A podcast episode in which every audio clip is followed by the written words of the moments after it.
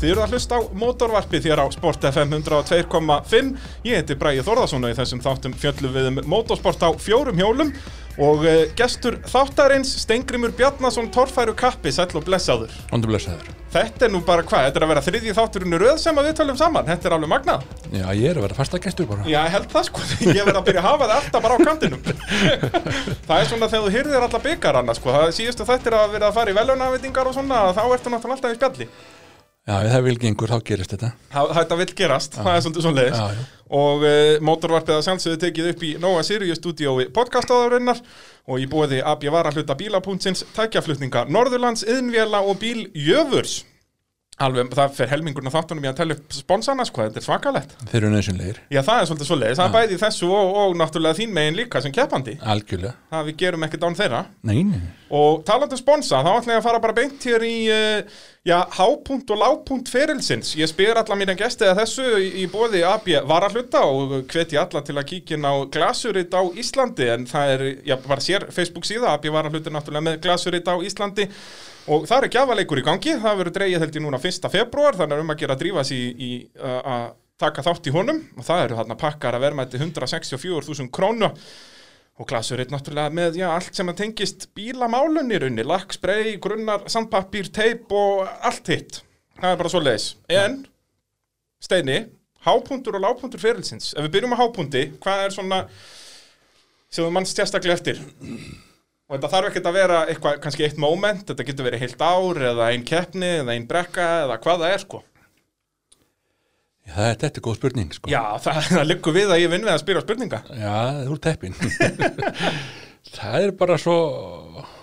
Já, í 2019 árið var náttúrulega frábært, sko. Já, það var alveg, Var þá vinnur sko, hvað 80% af tvarfærakefnunum og 100% af samspindukefnunum Já, það er eiginlega erfitt að toppa það, sko. Já, og toppar það svo einmitt með akstuðurðamöður ásveins þannig að það er svona skiljalegt að það væri ofalega á list allavega Það er svo stutt síðan líka, sko, maður mann þetta betur. Já, þá er minningin ennþá betri sko, þegar uh, hérna, maður, maður gleymir öllu sem gerði hérna ní- 91 eða hvernig það var Já, já, nákvæmlega. Maður mann ekki margt síðan þá, en eitthvað.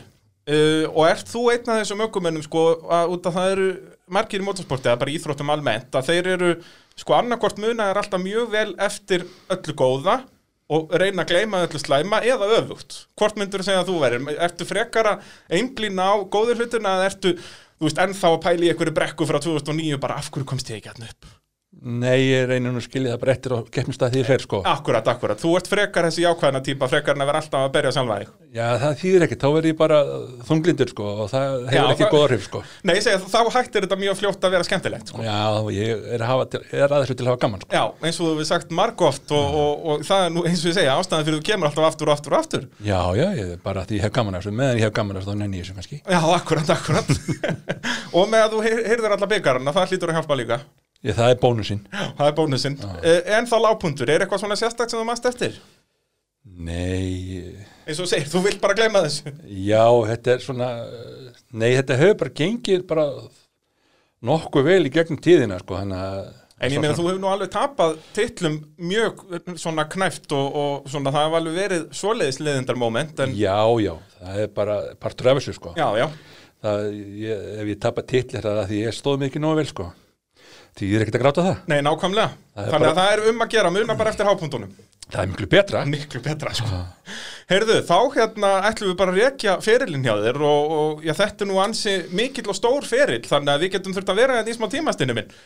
Já, ég hef nógan tíma. Já, nákvæmlega, við erum ekkert að stressa okkur á þessu. Nei, Og þá er það alltaf bara sama spurningi sem ég byrja á að, að sko ekki hvenar þú byrjaðir, heldur sem sagt af hverju þú byrjaðir, þú veist, hvenar varst að fara á torfærukeppnir sem krakki eða, þú veist, varst þú bara með bíladellu eða hvernig, hvernig æxlaðist þetta? Ég, ég náttúrulega fór á torfarkeppnum pappa og svo þegar var úlingur og þá fór ég að slæpast sko og Já, svo fekk maður bílpróf og þá fór maður á fleiri keppnir svo hérna eignast hérna jeppa eiginlega bara óvart sko. Já, það er sérst villisinn sem að þú ert ennþá að keppa á. Já, já, og allt í leið með það kipti hann í janúar hérna 1990 og svo bara var ég að jeppast á honum með veturinn og svo torfarkeppni í Grindavík minnum mig, fyrsta keppni. Akkurat. Horfa á og mér fannst bara ekki ganga neitt hjá strákana sem voru þar sko, það var fúsk og fredi í öllum bílum og allt í tómu raskatti eins og maður kallar það sko. Já, já, og allt til leið með það, svo fórum við norður Akureyri og það var eiginlega bara sama sagan. Já, þá saði ég við strákan sem var með mig, æja, nú förum við hellum og tökum þessu kalla sko. Já jú, ég fór að hellu en ég tók ekki þessa stráka sko. Nei, hvað, það, þetta byrjaði alveg sérstaklega ítlaðið þegar varst ekki bara langsíðastur í fyrstu keppninni, sérst sem þú keppir í? ég var síðastur Já, kannski ekki langsíðastur. Já, ég man það nú ekki, en, Nei. hérna, en ég var fyrstu bíl í fyrstu þraut, sko, Já, og hérna, lendi náttúrulega, lendi að bara klúðraðist aðeins að hérna, ég fór í brautaskoðun og svo kem ég tilbaka þá fekk bílinn ekki skoðun. já, Það var slagið spindikúlu sem ég vissi svo sem ekkert af, sko. Og ég var náttúrulega ekki með neina að vara hluti því ég átti ekkert að vara hlutum og, nei, þú bara mættir og ætlaði að keppa já. og... og hérna, félagi minn, Kjartan Guðvarar og Egil, vinnu minn, að þeir hlup á stað og komuð tilbaka með spindikúlu sem fengu að lána hjá Sigur Ólarsinni og bróður hans Bjarna, Já, Bjarna Blik akkurat. og þeir hendi þessi í og með tíma og veist, ég kunni ekkert að skipta um spindikúlur sko. Nei, þú varst ekkert, það er nefnilega svolítið magna með þetta, þú ert þarna, ert svona bílakall í rauninni en ert ekki mikið eitthvað að skúrast eða svoleiðis, þú ert ekki, ekki svona skúrakall kannski. ekki þannig kannski, ég er meiri Ekki núna kannski. kannski. ekki þarna en, en þeir reddu þessu og, og ég stökk bara í bíl og brunaði beint í rásmark og þá glimst að hleypa úr Já, bara alveg stíft í öllu bara. Já, já, bílinn skoppa sem kengur og bara þarna fyrsta, fyrstu hindrun og dreif ekki neitt, sko. Svo bara tók ég daginn í það svona aðeins að finna þetta og svo fann ég það út náttúrulega að gýri sem ég var að keiri, hann hentaði ekki alveg, það var alltaf hár Já, fyrir vélina og það. Þannig að þegar ég kom Þannig að heim þá fór ég bara inn í grifir heima og var þar bara í tvo, þrjá klukkutíma að spóla fram og tilbaka þannig til að ég bara undan hann hjól og grifjurnar heima segir þú ert náttúrulega mósvillingur í, í húð og hár já, og, og hvaða grifjur ertu að tala um þar? Er það bara þessar sem eru þarna hægra megin við þjóðveikt eða þú ert að fara út úr bænum? þessar grifir sem ég var að spóla er ekki lengur, þær eru Er bara komin hús þar kannski? Já, bara gata í, í rauninni vegur í gegnum það liggur inn í hverfi sem ég bý í núna en þetta voru bakvið hérna Gagraskólan, það sem er einn tjálstæðir Já, þar voru grefjur sem búið slétta brút sko. ok, já og, þar, og, og þannig að þú gast verið að spóla þar og, og prófað og vesanast já, ég átti heima bara í þar næstu götu frá þannig að Þetta var mjög þægilegt já, bara. mjög gott sko en hérna, En varstu þá eitthvað búin að vera að vesanast þar, þú veist, fyrir torfæruferilinn, bara fýblast? já, ég skelli nöðrunum sko Já, auðvitað já, já, móti hjólum skelli nöðrum og, og alls konar bara með bara bíldröslum sem við gerum Akkurat, akkurat. bara, Þannig að þessi, þú varst alveg með þessa alveg hardcore bíladellu eða bara svona véladellu ég er svona, kannski ekki ég veit ekki hvað að kalla, kannski ekki bíladellu en svona breyttir bílar svona, Já, kannski ekki höfða meira mér svona, vist sérsmíðaði bílar, keppnisbílar. Þú ert ekki á hringtorki að sjá hvað, hvað svo flottar felgur einhverju með. Nei, Þú veist meira eins og segir, já, að, að þegar eitthvað er breytt, já, þú veist bara ef, ef eitthvað er skrítið í rauninni, svona öðruvísi og, já, og hérna. ég veist, þegar ég var unglingur áttum maður svona bílamódel og maður breytti þeim öllum sko. Já, já, akkurat, þú smíðaðar aldrei eins og átt að smíða þau Kannski byrjaðar á því og svo, heyrðu, setjum byssur á þetta og gera þetta eitthvað bara, veist, smíða velti búruð eitthvað sko. Akkurat, akkurat. Þannig að eins og segir, allt svona öðruvísi. Og þú náttúrulega vorum að tala um þetta hérna áður en við fórum í loftið að, að hérna, bara þegar þú varst í sveit sem krakki að þá náttúrulega fórst að horfa sandspilnu bara óvart. Já, það var ekkert annað hægt því að hún var bara fyrir neða bæinn sem var í sveit á Já, hvað þetta er fyrir norðan eða ekki? já, ég fyrir samspytunum voru hrafnagíli og ég var bara í sveit á næsta bæ sko. Já, þannig að þú ert bara hvað, eitthvað að moka heið þarna og heyri bara drunur? Já, já, það var, það er fyrir samspilni sem átt að vera, það var valið vífils að prófa efuna eitt, sko, Já, akkurat. Nýra fandi og svo náttúrulega horfði maður á samspilnina þegar, þarna, þegar Benny Ejöls og hann voru að spilna. Þetta voru nú alveg svona glory days. Já, þetta var geggjað, sko, Get trúa því. Algjörlega geggjað, sko. og, og síðan já, kaupir þennan Willis þarna í janúar uh, 90 Já, og sérst hvernig æxlaðist það, þú veist, vildur bara fáður fjallagjapp og fara að spóla í snjó eða? Nei, nei, ég var að vinna með hérna nú, Stefán Helgasinni, hversmýling, mm. að vinna saman að dekja að stóta á ægisíðu. Og ég fór með honum í hátteginu á bílasöluna þar sem hann var að bjóði í jeppan. Já, þú varst bara svona að fara með. Já, ég fór bara með honum og hann var með kamera á 68 sem hann bauð upp í og pening og gæðin vildi það ekki. Og ég bara átti gamla BMF þegar á 20 ég sagði BMF-in og rest eitthvað tíma setna og hann gekk að því. Já, það er svolítið þá átti ég allt í einu villisippa sko. Já, og það hefur verið, já, mikið gæfu spór já, ég er náttúrulega, það sem ég er náttúrulega líka annað í þessu að ég vissi svolítið mikið um henni jeppa sko, að því að hérna, frendi minn hefði gert hann upp nokkrum árum áður Já, ok. það var ný skuffa á honum og veist, hann var allir vel, Willys. vel smíðaður sko. En hvað, það var alveg veltubúr í honum og, Já, og allt svona bara, en hann hafði aldrei keft í torfæri, þetta var bara fjallaheppi, eða ekki?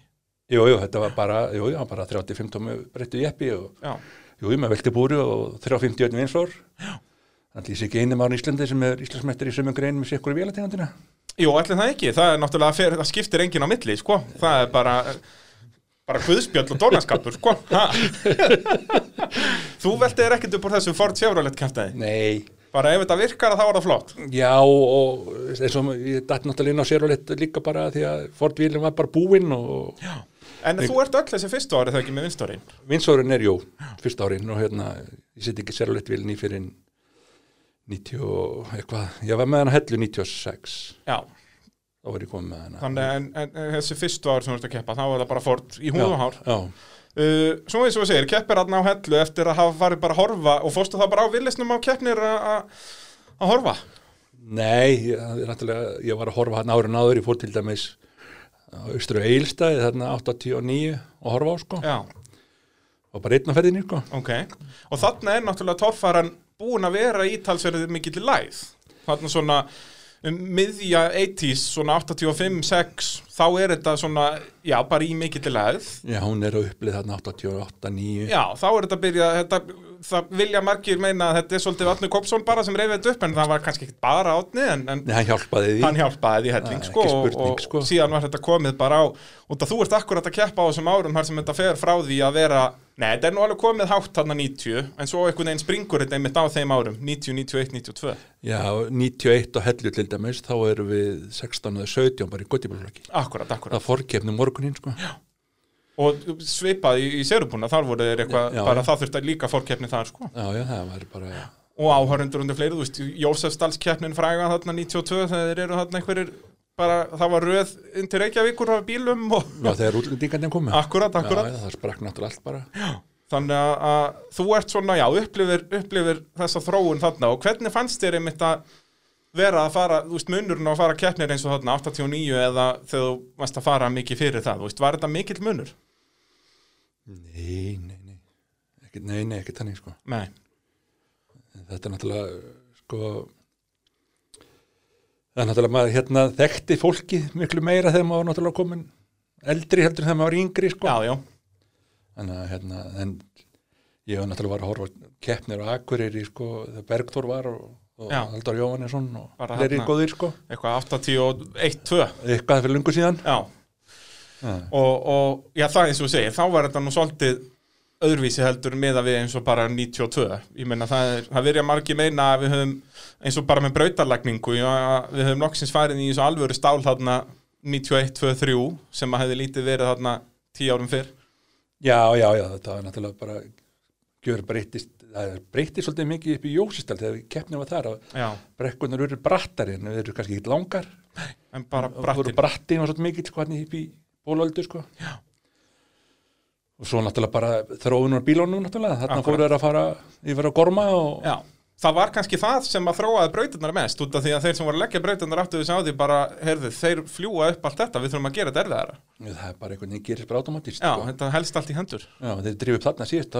Já, þá fyrir þá hérna núna Akkurat, akkurat. þetta er bara svo leiðis Uh, þegar þú kaupir villisinn, hann 90, þú veist, varstu strax með það flugu í hausnum eitthvað, heyrðu, ég geti nú farið á honum í torfæru. ekki þegar ég kaupa nei, Nei, þá bara svona með vorinu eða eitthvað, þú veist, voru ykkur að plata því þetta, eða varst þetta bara þú að peppa það sjálfan upp? var bara ég sjálfur sko Já. Veist, ég hef búin að fara þess að tvær keppnir það hérna þá var ekkert aftur snúið sko að fara að spóla við á sko og, og held svo fram út það sem eftir var sumar sko já, Og það endar vel, þú vinnur síðustu keppnina þarna sem var einmitt aftur á Akureyri. já, Og, og ja, hvernig var svo tilfinning að vinna torfærikeppni?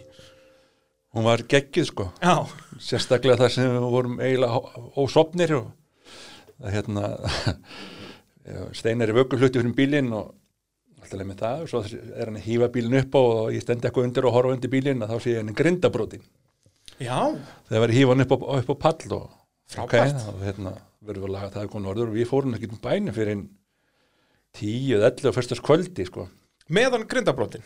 bílinn var farin sko Já, já, en þið farið ekki norður Við förum ekki norður fyrir svona seint sko og við komum norður eitthvað þrjúleitið held ég.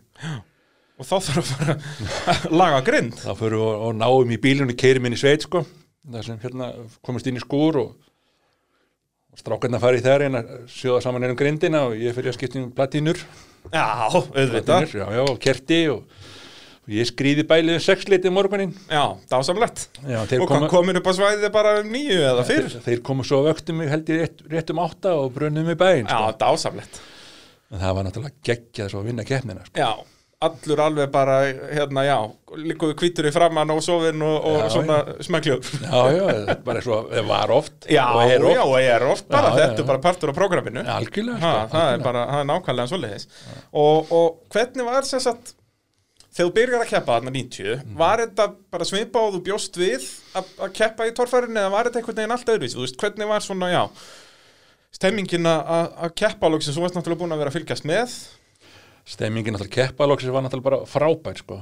og þetta var eiginlega bara nokkur neginn ef sem maður búin að gera hugulunda því maður búin að fylgjast aðeins með þessu sko. akkurat, akkurat og, en eh, samt var maður ekki búin að gera þessu hugulunda að, að þetta væri svona geggjað sko. Nei, og já, hvað er það sem gerir torfærinu svona frábæra, sem þetta keppi í henni þetta er náttúrulega bara eh, að komast upp eitthvað sem maður heldur sér gjössamlega vonlegst að komast upp er náttúrulega bara ólýsanlegt sko. akkurat, maður trúir því bara ekki að sé sjensa fræðin maður oft hérna, reykja svo það að þau segja við þess að gæja ætla að senda okkur þetta, eru er klikkaðir? Sko. og svo, svo, bara svo fer ykkur bjánu undan mann og stendur í brekkuna sko. og þá verður maður að gera það líka. Já, já, því er ekki að vera minni maður. Nei, maður þarf að fara jafnlandið ekki lengra sko. Akkurat, til þess að leikurinn gerður. Nákvæm, nákvæmlega. Þannig að, já, þetta var ansið magnað að, að hérna, vinna hérna síðustu keppna 90 uh, Gerir einhverja breytingar á bílnum hann um meturinn fyrir 91 já, já, já, já. Þá, og hvernig var hugafærið þarna? Þú veist, búin að vinna keppni Veist að þú getur þetta Var þá bara farið í 91 tímabilið bara Heyrðu, nú bara verið að berast um titilinn það var svo sem ekki hugsa þannig en hérna, ég fór náttúrulega að því vissi bíl, grindin var eiginlega ónýtt í bílum sko. Já, og búið að reyna að tjastleina eitthvað saman en það þarf að gera eitthvað meira núna Já, og ég kynntist náttúrulega frábæri fólki þarna 90, Sigga Jóns og, og þeim félum og fekk inn hjá þeim legið með þeim húsnæði sko. Já, það er nú ekki amalegt Nei, og bakka bíli minn og rífa hann í spað og þú veist, ég þurfti ekki að bara hinni með vegginn til að ná í grind til að setja hann þurfti ekki að fara lengra sko. og svo fer náttúrulega bara vetur ný þetta og veist, maður náttúrulega var svo sem ekkert alltaf í þessu en hérna, þá lengdi ég bílinn sko. Þá fór hann úr 64 lengdi í 74 lengt sko. Hérna já, skiptum grind og skiptum afturhásingu og millikassa og og sérst, af hverju þessar breytingar eins og með hásingu og það, þú veist, var það bara út að þetta var orðið slæmt eða varst það betur um bæta bílinn? sko, ég var það þá með orginal hásingunarinn með drikkúlum til hliðar og, og kílökslum sko. Já, og, mann hvort það var 19 lökslar eitthvað leið sko. Fer í, í drifkúlunni miðinni 44 og, og, og 30 lökslar sko. akkurat. þannig að ég var búin að brjóta þessa hinnum Bara er rauninni farið í sterkari búna.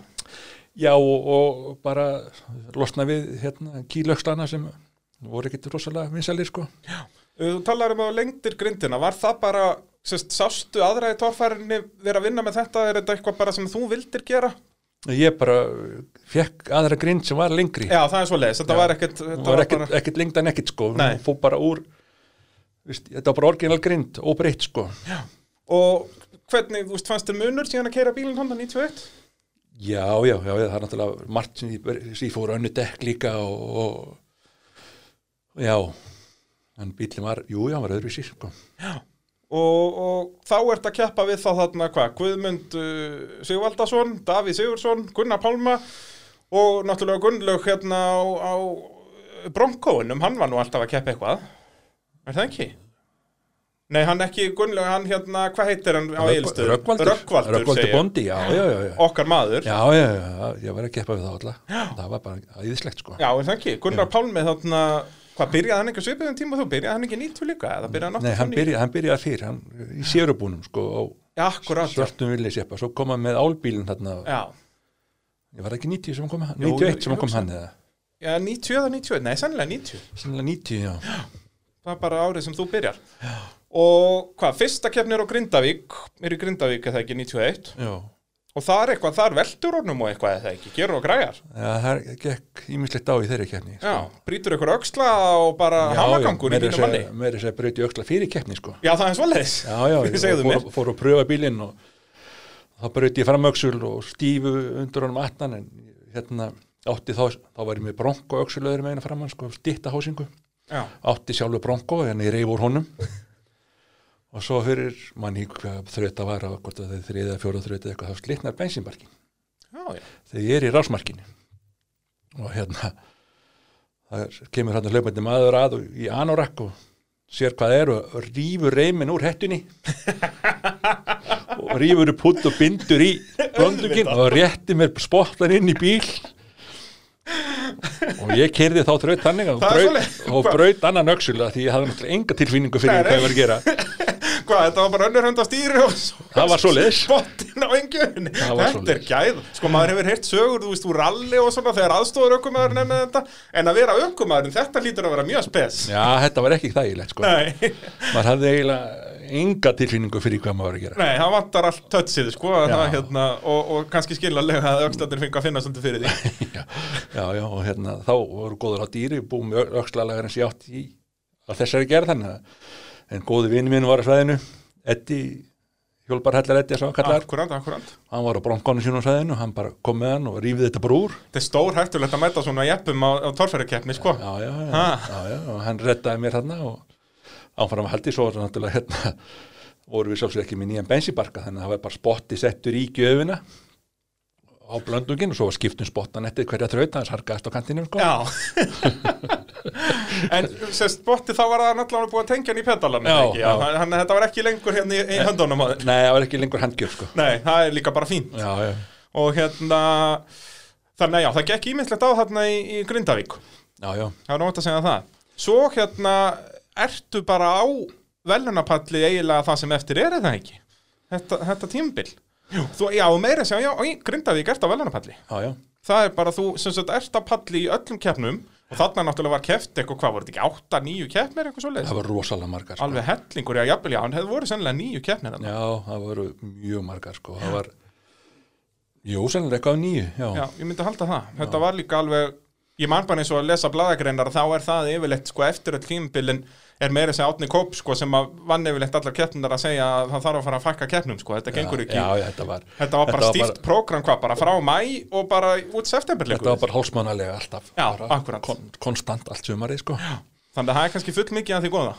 Já, já, þetta var gaman en, en maður var ekki alveg tilbúin í þetta í dag sko. Nei, að, og maður sá það svo sem að líka á þessum tíma að fólk var ekki endast í þessu, það vorum örfáur að keppa tímabil eftir tímabil.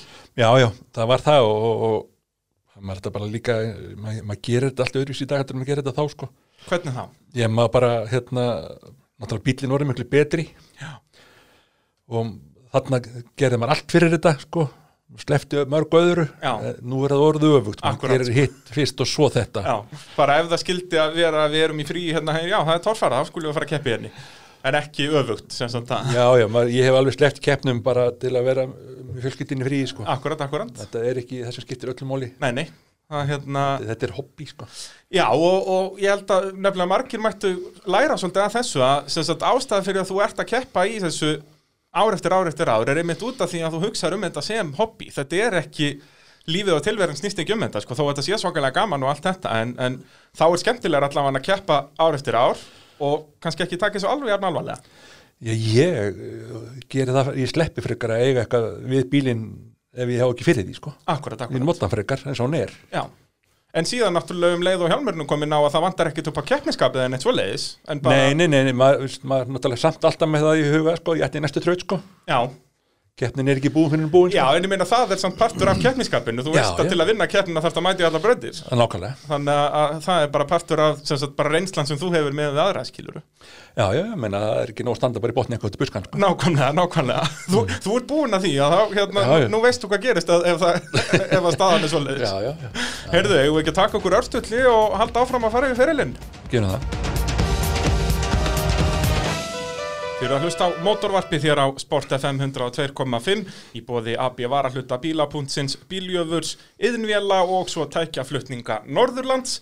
Og já, tækjaflutninga Norðurlands flytja allt saman já, frá smábílum yfir í báta og vinnuvélar og, og ég veit ekki hvað og hvað út um allt land. Þannig ef að þú þarft að flytja já, alveg sama hvað það er ef þú þarft að flytja eitthvað út um allt landa þá um að gera hafa samband við tækjaflutninga Norðurlands.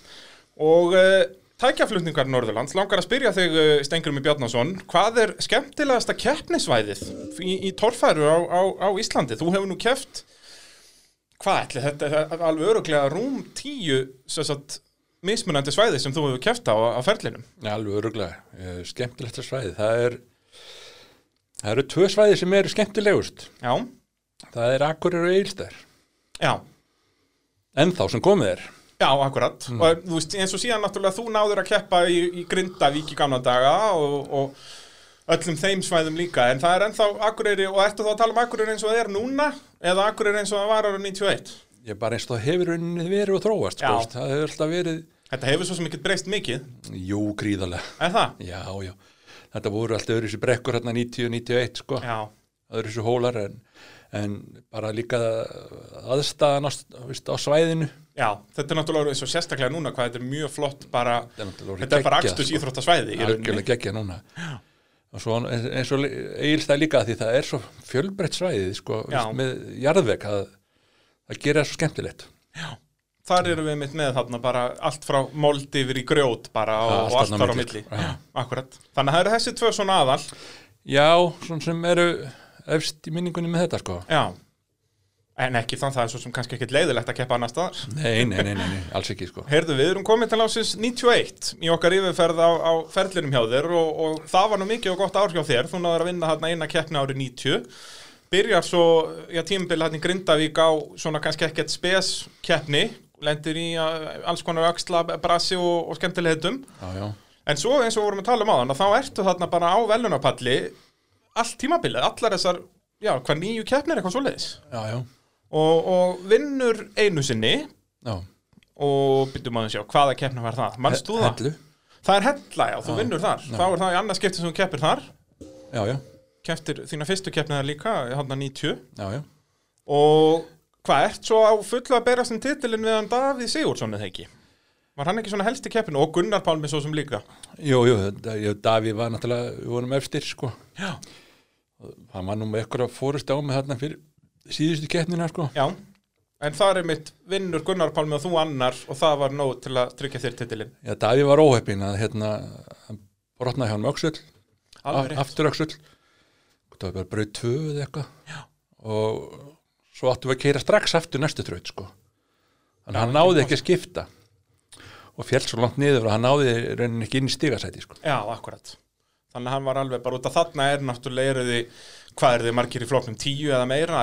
Var þarna, sérst, 91, er það svona aðal árið í, í keppandafjölda, myndur þú segja, á þeim árum sem þú ert að keppa í göttimilum floknum? Já, já, Davíð endaði 11. sæti sko, hann var ekki síðastur sko Já, nákvæmlega. Þannig að þið voru þarna alltaf bara 15 átjálm eitthvað. það var einhver hellingur af bílum sem var sko sem var náttúrulega bara frábært líka en staðinn tók ekki getnur lengri tíma en samt sem áður var það gaman sko Já, þú veist, fyrir keppanda er, ertu nú ekki mikið að velta þér upp úr því það er kannski aðal áhærendur sem að Það er áhörðin, já, já.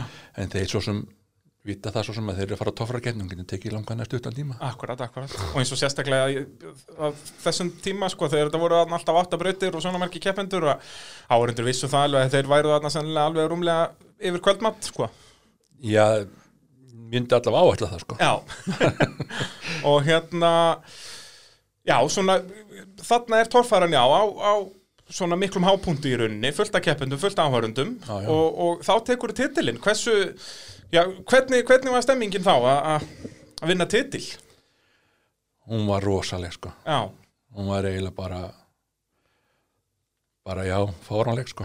það er eiginlega skondnaði við að í logohófunni 1990, þá var Stefán Gunnarsson íslumistari. mhm,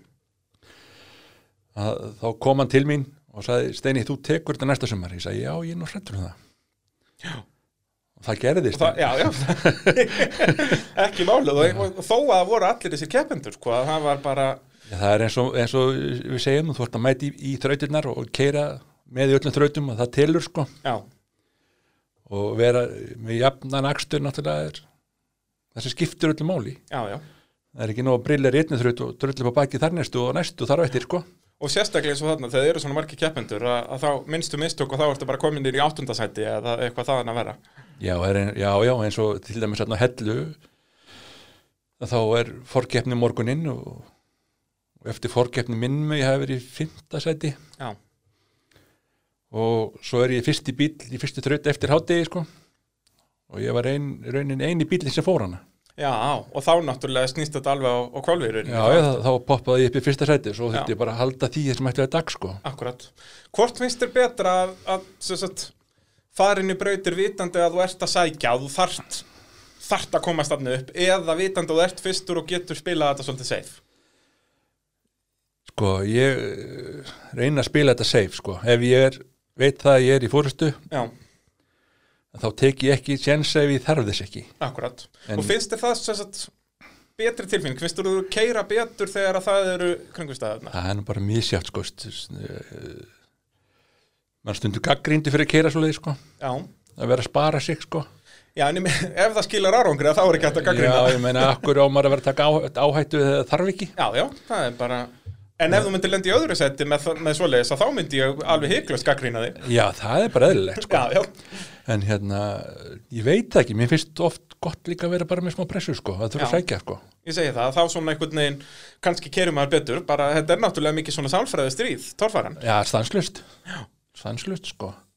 Og, og Þú ert alltaf að vera fylgjast með hinnum og stúdera og spá og veist, hann kerir svona, já, hann kom, já ef, ég, ef ég kerir hins einn, hvað þá akkurat, og svo það er einmitt líka spurning sem ég spyr held ég alla torfarakalla sem koma inn í spjalltími, hvort finnst þér betra að, sérst, í einhver ákveðnu braut að sjá anstæðingin eða ekki?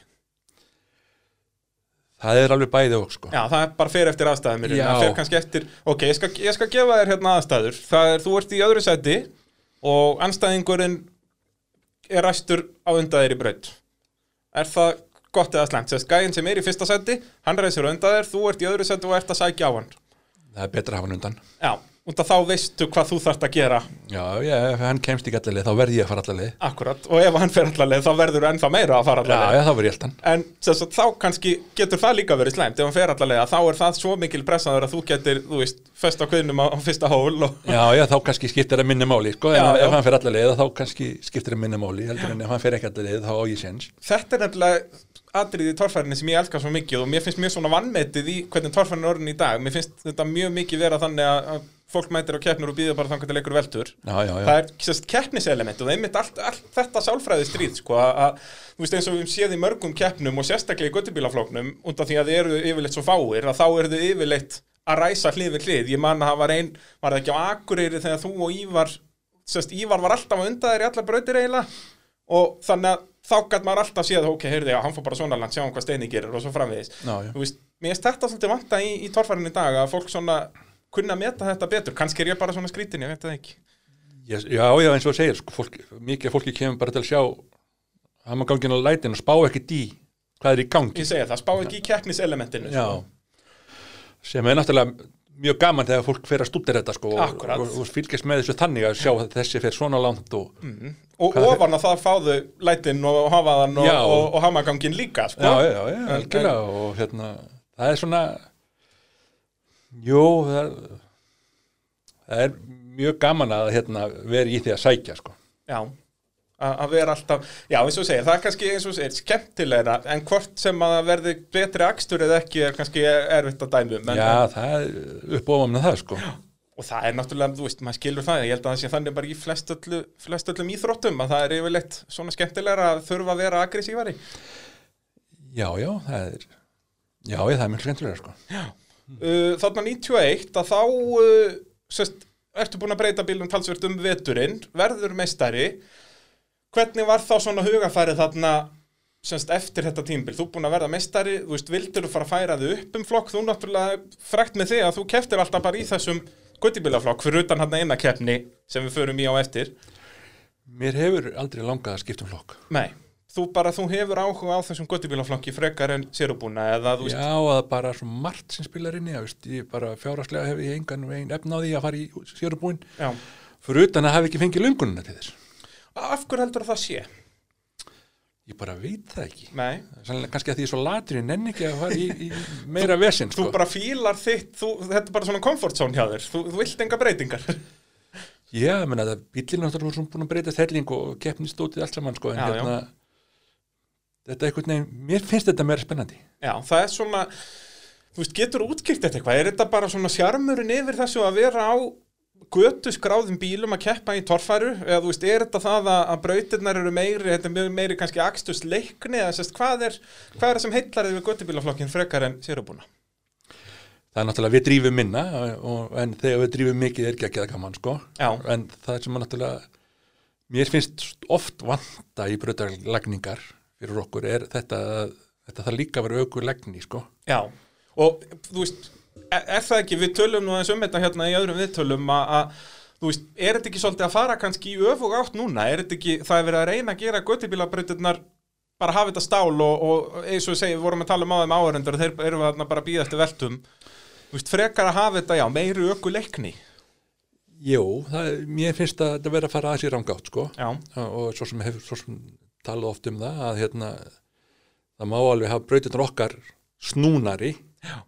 Það þurfi ekki að enda í stálunni kannski bara við hliðin á því. Já og einmitt myndist á þetta hérna í viðtali í, í mótorvarpinu um daginn að, kannski bara sest, hafa fleiri hlið og þrengri hlið og, og svona Já, fleiri hlið og, veist, ofta tíðum er engar refsingar að koma inn sko. Já. Vist, menn er að keira kannski allir á 350 stigum allir á, uh, jafn miklu. Já, þú átt ekki sens á að, að það verður ekki þessi munur nei, þú átt ekki sens á að kannski að vinna þið upp af því að það er bara standi í botni tvö hliðið eða eitthvað sko, veist. Og svo hefur náttúrulega, þú veist, ég sem fjölmiðlamaður í kringum torfæruna sé mjög ofta að sérst brautirnar í göttibílaflokknum eru annarkvort allt og allt og léttari eða allt og allt og erfiðar. En ég held að það sé líka þarna sérst erfitt að gaggrínund og ég held að það sé miklu erfiðar að leggja brautir fyrir göttibíluna heldur en sérubúna. Ertu, ertu svo já, já, það er það. Það er ekki döðvilt og ég veit það alveg að þeir eru ofti vandrað með þetta þeir leggja þraut og hún á að vera erfið svo er hún bara alveg físlétt sko.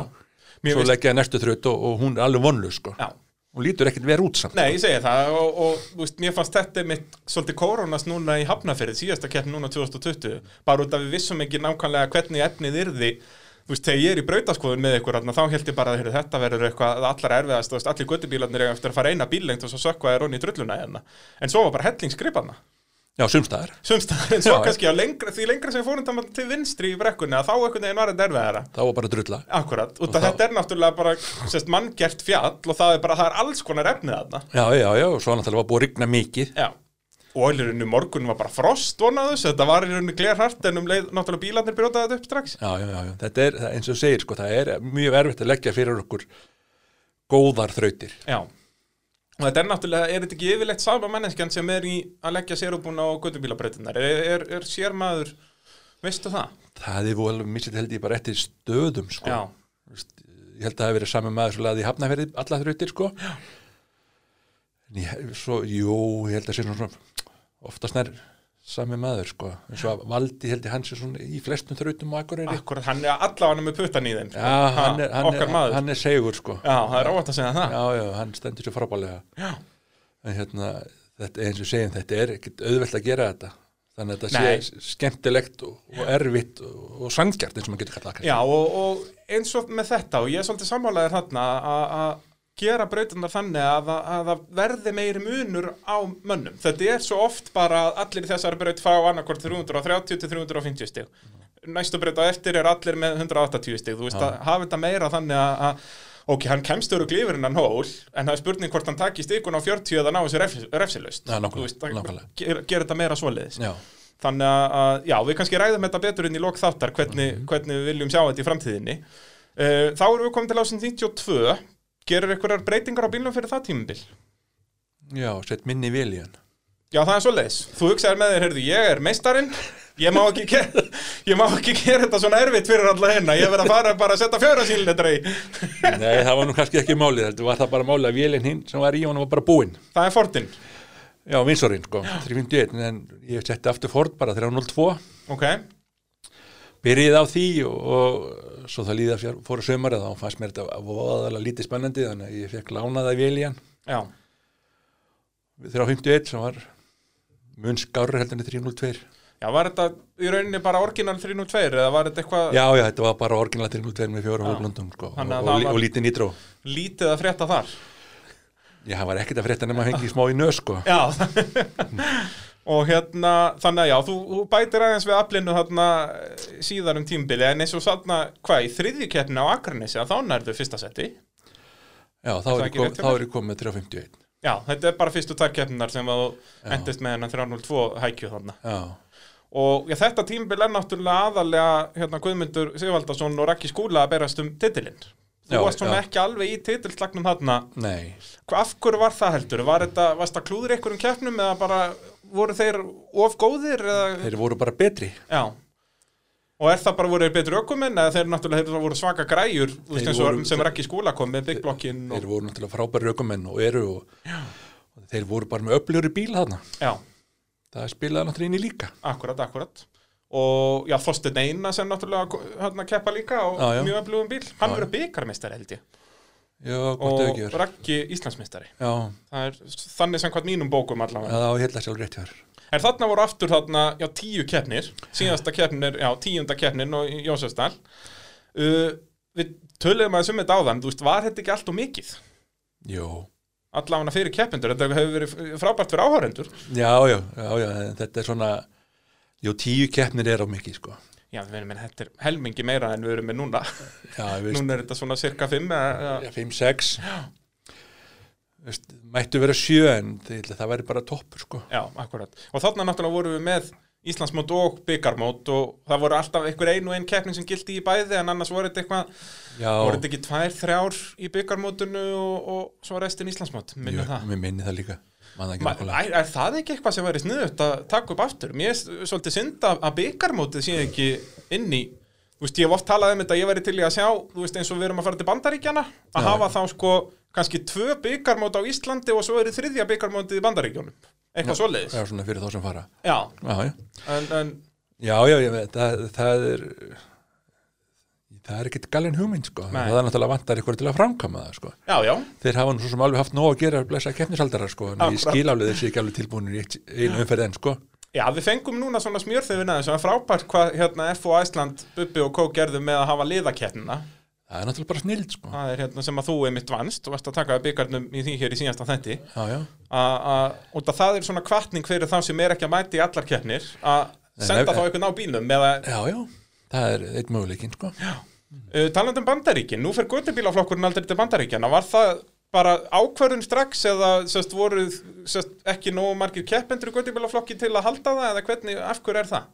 það hefur svo sem ekkit eh, komið til tals eh, en ég, jú, jú, ég vissi það að hvort það var síðast þegar fóru þá stóð okkur til bóða að fara með sko. Já, jú, minni það og en hvað, var bara ekki áhugi þú veist, þetta er náttúrulega ekki margir einmitt að keppa í göttubílaflokknum út að þeir eru ódýrara. Og Já, þá kannski já, meikar ekki mikið sens að eða í rauninni jafn mikið í eina keppni í bandaríkjónum og í heilt tímabil á Íslandi.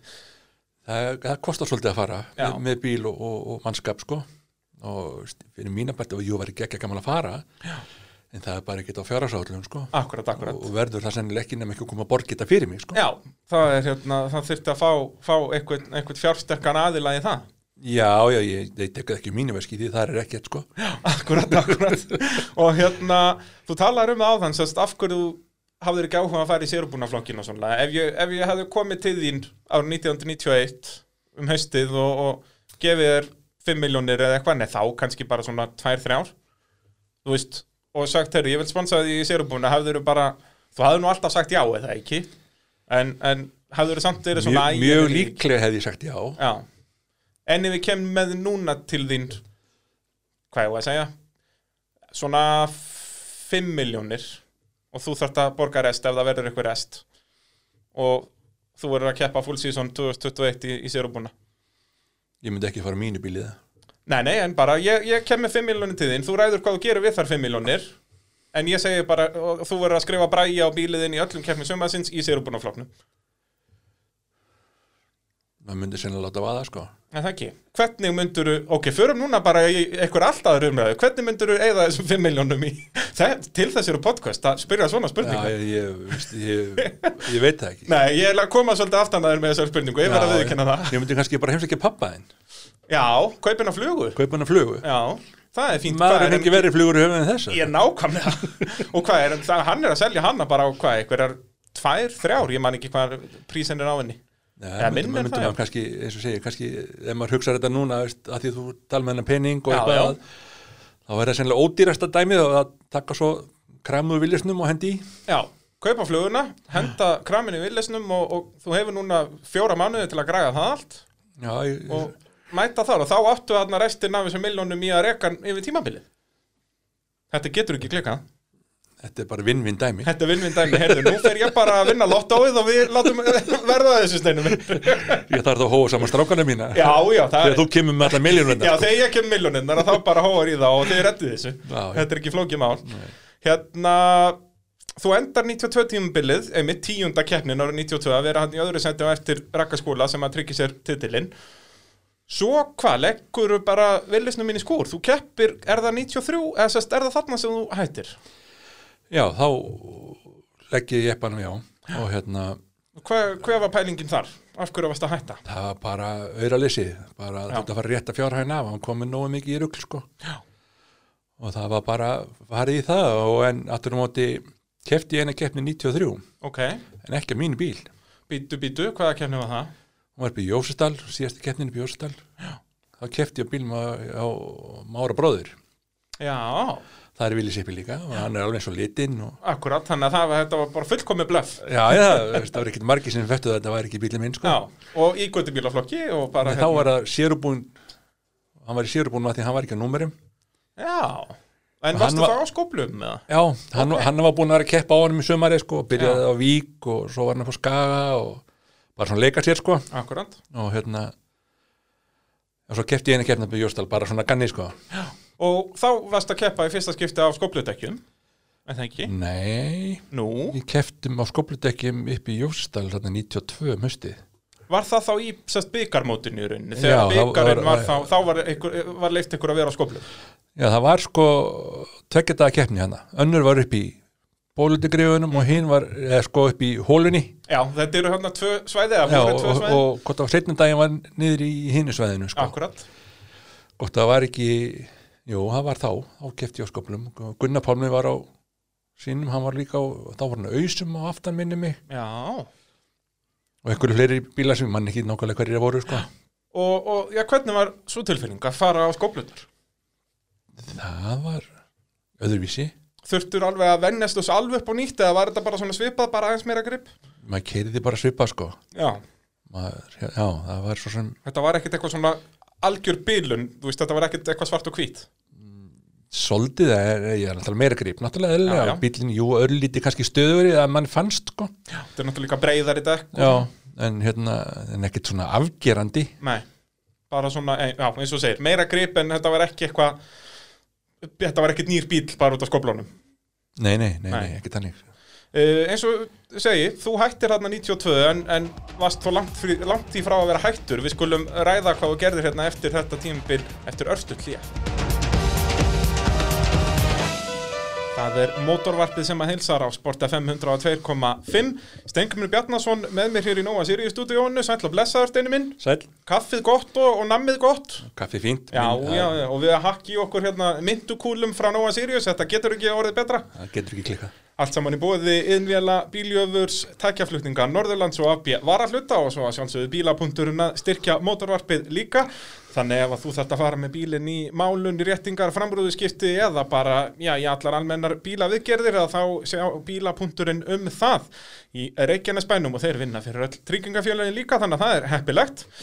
Og uh, þá spyr ég alltaf í sambandi við sko bílapunktin sem að sjáum að gera við, við tjónaða bíla hvað er svona stærsta tjónið sem þú hefur lent í í torfærunni eða stærsta veltan eða stærsta krassið eða hvernig sem maður orðar það er eitthvað svona ég, ég veit hva, hverju ég myndi svara held ég í, í, í þessu hjá þér Það er eilstæðir 2013 er það ekki? Það er akkurat það sem ég var að hugsa Þar var ég bara heppinn sko er það ekki? Þetta var svakalegt Já, þetta, það var alveg skelfulegt að horfa á rörin bókna, sko. Já, uh, ef þú útkýraðins bara fyrir hlustendum hvað gerðist þarna, hvernig, hvernig veldur Ég var að bara fara niður brekku og fór fram fyrir mig og lendi nýr á hörðu planinu bara. Já, lendir á sem sagt bara, út að þetta var ekkert sest, þannig eitthvað svona spektakular velta, þetta var bara, þú fer bara fram fyrir þig Það var engin hraði, sko. engin hraði og bara þingdarafliður sem gerði þetta, Já, já. en eins og segir, þú lendir bara niður á jafnslettu sem er það pökkuð, þú veist, þetta var eins og að lenda á Malbyggi bara, Það var bara grjótart, sko. bara grjóthart og já, bara sem betur fer að þá lendir hann ekki alveg beint niður á planinu, heldur ég er aðeins komin yfir að farþegarliðin á bílnum Já, já, sem betur fyrir. sem betur fer út af því að þarna var sem, þú ert alltaf með farþegastóli í bílnum og Já, já. sá stóð, stóð út úr bílnum Hann stóð út úr vellingrindinni Já, og vellingrindin stoppaði í stólnum mínum, sko. já í rauninu, hún var búin að beigjast að stólnum Já, en þú slappst alveg, þetta var Alveg. ekki já, það, það, kom, kom ekkit högg, aldrei neitt högg og ekkit, ekkit álega eitt en eitt búri stoppaði akkord í stólnum en ekki, em, pressaði ekkit á stólnum minn, sko. já, en sagt, í veldunni finnur fyrir búrun eins og að skella á stólnum með eitthvað svoleiðis eða bara þegar þú ferð út úr bílnum þá sérðu bara, heyrðu, já, þetta er Ég, ánýttur bíl það, það kom aldrei högg að því að búri gaf eftir, sko. já, Það, þá var það ekkit högg, sko. nei En er það ekki mitt eftir þetta að reglum er breytt að þau þurfið að vera að fara í eitthvað svera efni eða eitthvað svoleiðis eða er ég að- er með að misminna það? Nei, nei, það var svoleiðis, það var, því Já. var breytt, sko. Þetta, var þarna reglan bara 38 mm var nóg eða hvað Nei, það var? 42. 42 og var svo var- farið í 48 síðan Já, 45 er lámarkið, sko. Akkurat 42 mm búri er náttúrulega bara búri sem vorum notið í gamla dag, sko. Já, já. Þetta var bara sama búri og ég var alltaf með, en ef að bætið það meiri sé að fleiri stífum heldur en var þá, sko. Já. En það er náttúrulega bara, þetta var náttúrulega alvesta högg sem hægt var að fá það bara. Já, og við höfum séð þetta oft í torfærinu, það er þessi högg sem eru þau skeiðustu. Þetta gerist nú aðal í tímabrautum, að menn er að fara svona fram fyrir sig, Já, já. en þá endar það yfirleitt mjög illa, veist, Jón Vilberg lendi því sama á Akureyri, Já, það fór bara að svipa hjá hann á búrið. alveg, en þá var náttúrulega mikið meiri hraði, en þá kannski líka sterkara búr og léttari bíl, náttúrulega, náttúrulega léttleiki er mikið öryggisandriði. Það hjálpar, það er ekki spurning, sko. Það er, Bílið minni freka þungur svona með að við viljið séppa, sko. já, En ég veit frekar hafa meira játnýjum með minna. já, 100% bara upp á styrkleika. Já, já, þetta er maður búin að fara í þetta að þá er betra að hafa einu rörunni meira heldur en minna. Akkurat, og þetta er náttúrulega líka það sem Háur Willisonum sérstaklega er hvað þeir eru kassalaga. Ég meina það er, ef að búrið, ef það væri meiri semst hallar á, þú veist eins og ef maður horfur á A-póstinn eða þannig, ef það myndi halla meira fram, að þá myndi svona högg, það myndi ekki fara jafn ítla. Það sem kannski var st- staðista málið í þessu að stífurnar aftur í voru tiltölu brattar, sko. Já, akkurat, það var lítið talli á þeim. Já, það tókuðu lítið á móti, móti þannig, sko, það lögðust með bara. Já, Og þegar ég smíða nýja búri þá eru raunin, eru raunin þrýr bógar í, í búrinu hjá mér, sko. Það er aðalbógin, ferminubógin, svo liggur eitt nattur í körfunni, sko. já, svoleiðis, þess að í, sérst 90 gráðu miðan með aðalbúa. Já, Já, og í það koma stífurnar, sko, aftur og svo er rör úr því niður í grindin í bílum, sko. já, þetta er ekki rauninni í skuffuna og í grindina heldur í þennan aðalbúga og, Já, það er til þess að fá nógu mikinn halla á stífurnar aftur, sko. Mm -hmm. Bílinn er svo stuttur aftur í, sko. Já. Að hérna, það er alveg enda fæ ég miklu meir styrk og fæ ég náttúrulega líka þannig að eins og því ég velti á blöndósi í 2019, ekki? jú, 19, þegar þú Já. fer þarna fram fyrir þig, uppbarðið. Já, þá hérna endar hann á hliðinu og þá rauninni ver þessi bói í bílinn rosalega mikið, jú, knuppa skúfan en, en, En það fer ekki, slapp. fer, fer ekki allt inn í bíl, sko. Akkurat, akkurat. Allt bodyið, sko. Já. Var hann þarna náttúrulega í þessari veltu aðan 2013 að þá er búrið í rauninni, það verður að vera grindartengt eða ekki, þó að það er tengtu skúffuna og þaðan niður. Jú, jú. En það voru allavega komið í reglur, en samt þú veist eins og þú ert að keppa þarna 90 að þá var það ekki reglum, þá þá var nóg að tengja þetta bara í ekki? Jú, þá var það ekki grindatengt, sko. Akkurat. En það var allt grindatengt þarna þegar á eilstöðum, sko. Já, en Það- það var samt ekki nóg í rauninni. Nei, nei. Og já, bara stáhleppin, þetta var líka alveg svaðalegt að horfa á þetta, sko. Já, ég var mjög heppinn og Hvernig var svona, eins og þú segir, að stíga út úr bílnum hann og sjá hvernig hann fór út, að hann krumpast svo svaðalega saman? það var svona, ég veit það ekki, sko, maður var náttúrulega bara ánæður að komast heill út í bílum og, hérna, svo fór maður að skoða þetta, veist, þá var náttúrulega svona, hérna, eiginlega, fór maður að spája bara, shit, hvað maður er heppinn, sko. Já. En síðan kannski skoðar þetta eins og segir bara með svona frekar lógískum augum og sér bara, heyrðu, já, þetta er bara þetta bognaði út af þessu og þessu, þessu og þá bara gerum við þetta betur núna og ekkert vandamál. Já, í rauninni búri gerðið rauninni það sem það átt að gera, það var að verja mig Akkurat, akkurat. þó það hefði verið handónitt og eftir sko. Já, já. En ég meina ef þú hefði verið breytið að þá hefði það ekki verið jafnfallegt. Nei, það hefði verið öllu verið sko. Já, það er bara svolítið svo leiðis. Já, Hérna, þá skulum við halda áfram að fara við ferilinn. Þú tekur þér pásu þarna eftir 92 tímabilið og byrjar að keppa bara svona einu og eina keppni. Keftir eina keppni þarna 93 og svo sá ég allan í bladagrin hérna að þú keftir á, á hellu 96 Já, já. Og, og þá aftur á, á skópludekjunum og þá er flokkurinn búin að þróast í þá átt að- keppendur í göttibílaflokki mega að keppa á skóplum og þá er þetta sérútbúin, göttibílaflokkur. já. Hvernig fannst þér þessi þróun? Þú veist, þú ert náttúrulega alltaf í kringum torfærin á þessum árum þegar að þetta er að breytast þó að sért ekki keppa endilega. Þú veist, varstu hlindur þessu eða ekki? Nei, ég, ég var það ekki. Veist, Ég var uh, en ég náttúrulega svo sem hafði ekkert um það að segja þegar maður var ekki að keppa lengur sko, en Nei, en þú veist, ég, eins og hann Siggi var nú að keppa þarna og hann var einmitt eh, eins og þú, þið, þið voru saman liði að, að þetta ætti ekki að gerast. Já, já, ég hérna, náttúrulega 93 var ég aðstofamar hjá Þorstein Einars og 94 þá var ég með kjartan guðvarar, Já, smíða með honum bílinn eða var að reyna að þvælast í minnst fyrir honum þegar hann var að smíða bílinn. Og hann var náttúrulega, þá var vísu voru menn að skera dekkin mjög mikið. Já. Þá var þetta svona eiginlega orðið, voru menn ekki byrjar að skera það það mikið að þau voru ekki gotulega lengur. Já, rann okkur kuppur úr. Já, það var eiginlega svo uh, hvort það var þegar kjartan hættir hvort það var ekki Raggi hætti ekki líka þá sama ár Raggi, keppir Raggi 95, hann kemur á sérabúna 96, ég held að hann keppi ekkert 95, minni ég held að hann keppi ekkert 95 þessi rétti aður hann kláraði 94. þá var uh, Gunni Múr og Rabbi Já. og hvort það var þá og Siggi var þarna 90 Og Gunnar Pálmi, og, og, já, hvort það svo var svo 96 sem við já, ég held að 90, skóplanum undir sko. í Íslandsmótinu, þá var búið að vera í byggarmótinu alveg þó nokkur ár, le, leifðar skoplunar, já, já, og, og já, ég held að 96 sé fyrsta Íslandsmótið, eða 95, ég man ekki hvort. en svona í dag veist, þá finnst mér þessi flokkur eigi alveg rétt á sér bara verst að skuli ekki vera kyrður hérna því að sé einhver keppindur í honum sko. En, en þú veist, er það samt ekki bara út að það, það, er svo lítill munur þyrfti þá ekki að bakka aðeins meira með reglurnar í sérubun og göttubílafloknum út að núna er þetta í rauninni bara það að bílinn verður að vera breyður og verður að vera á skoplum en ekki ausum já, já, þetta var náttúrulega þannig í, þessum flokki að hérna, það þurfti að vera þú þurfti ekki að horta á bílinn að þetta væri einhvers konar Já, var þetta ekki alveg meira sem lengra en eða þú veist, var þetta ekki alveg þannig að það þyrfti að vera skúfa eða eitthvað, þú máttir ekki sérsmíða þetta alveg. Ég, það, Já, ég veit það svo sem ekki alveg en þetta var allavega þannig vissi ég að þetta lí, þurfti að líkjast einhverjum fjöldaframlutnum bíl. Já, en ég minna en það, er ekki lengur sko. Já, og líka svo erfitt að tólka það, ég minna þú veist eins og bara bílinn hjá Bjarka þess að nýji bílinn hans að er hægt að segja að hann líkist Land Rover? Ég þú horfur á hann, já. Ok, en þú veist, þá er hægt að gera það basically á alla sérbúinu bílana eða það er, já, já, já. Það enda, er enda í dag geta allir sérubúinu bílarnir kefti sérubúinu göttubíl já, þeir þurfu bara að skipta um já.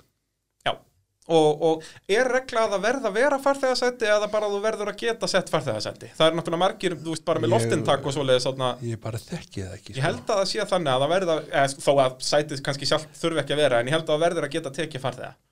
Getur alveg verið, sko, ég bara þekki það ekki nógu Nei, sko. ekki ég svo sem heldur. Nei, en, en, en, það, er það svo sem ágættis að regla svo sem uh, mörgu leiti, sko Já, hafi eitthvað, eins og ég segja, annars er þetta, ég skil alveg að fólk nennir þá ekki að keppa í Modified hérna sérubunum göttubílum, einfallega bara vegna þess af hverju ekki bara setja auðsur og keppa. Já, já, já, þetta er náttúrulega, við erum svo sem ekki það margir að, að það takkið því, sko. gengur ekki að vera með 40 flokka í þessu. Nei, svo, ég hef kannski alltaf leið að það verði þá fleiri keppendur, sko. Já, já, það er, en það er nefnilega mörg motorsportin hafa klúður að þessu einmitt, að vera með of marga flokka með að við að vera á litla Íslandi. já, já. Þannig að þetta er, mér finnst þetta mjög fínt núna að hafa göttubílana og sérubúna, það vantar bara fleiri göttubíla. Já, já, ég er alveg, alveg á því, sko. Og okkur vantar alveg svona fimm bíla í viðbót, Já, hafa þetta þarna svona í kringum tíu bíla. Já, og þá er mitt aftur kemur þetta element að- þú getur virkilega tapað keppni, já, ekki bara endað með 12 stig nákvæmlega. Það, Það er, sko, fyrir mína parta uh, finnst mér það ekkert vola spennandi að við séum svona fáið, sko. Menni, þá verður keppnin bara automatist leðilegri út af því að um leið og einhver, þú veist eins og sáum var ekki fyrri keppnin á Akureyri þegar Óskar fyrir með skiptingu bara í annari já, já, og þá eru þau bara orðinni þrýr við og vorum bara þrýr voru þið þrýr fyrir, já þau voru bara tveir eftir það. Já, já, bara ég og, og Ágúst. Já þau voru, ja, alveg rétt, já. já. Þannig að þá, já, nákvæmlega, þá er þetta viðtámanlust, sko, já, Haukur kemur ekki fyrir í setningkemninu sko. það er rétt. Þannig að þá, þá var náttúrulega sjálfsögðu þegar maður að keira bara já, já, bara, sko. já, já, og þá er náttúrulega verður ekkert eins gaman fyrir fólki að það er ekki eins mikið læti í manni. Og ekki fyrir þig heldur Nei, meina mér þú, þú keirir þetta, þetta var ekkert leiðilegt en þú vilt, þess að þetta verður að vera challenge annars, Það er miklu skemmtilega já, já og þú veist, annars getur þú bara farið í grífjarnar heima eins og í gamla dag og farið að spóla sko, Já, já, það, þú ferð að keppa út að þú vilt fá keppniselementið Já, já, veist, það, eins og segið, það er bara ég skil, ég, ég, ég fatt ekki af hverju mönnum finnst þetta ekkert spennandi sko. því þetta Já, er sko- alveg drullu spennandi sko.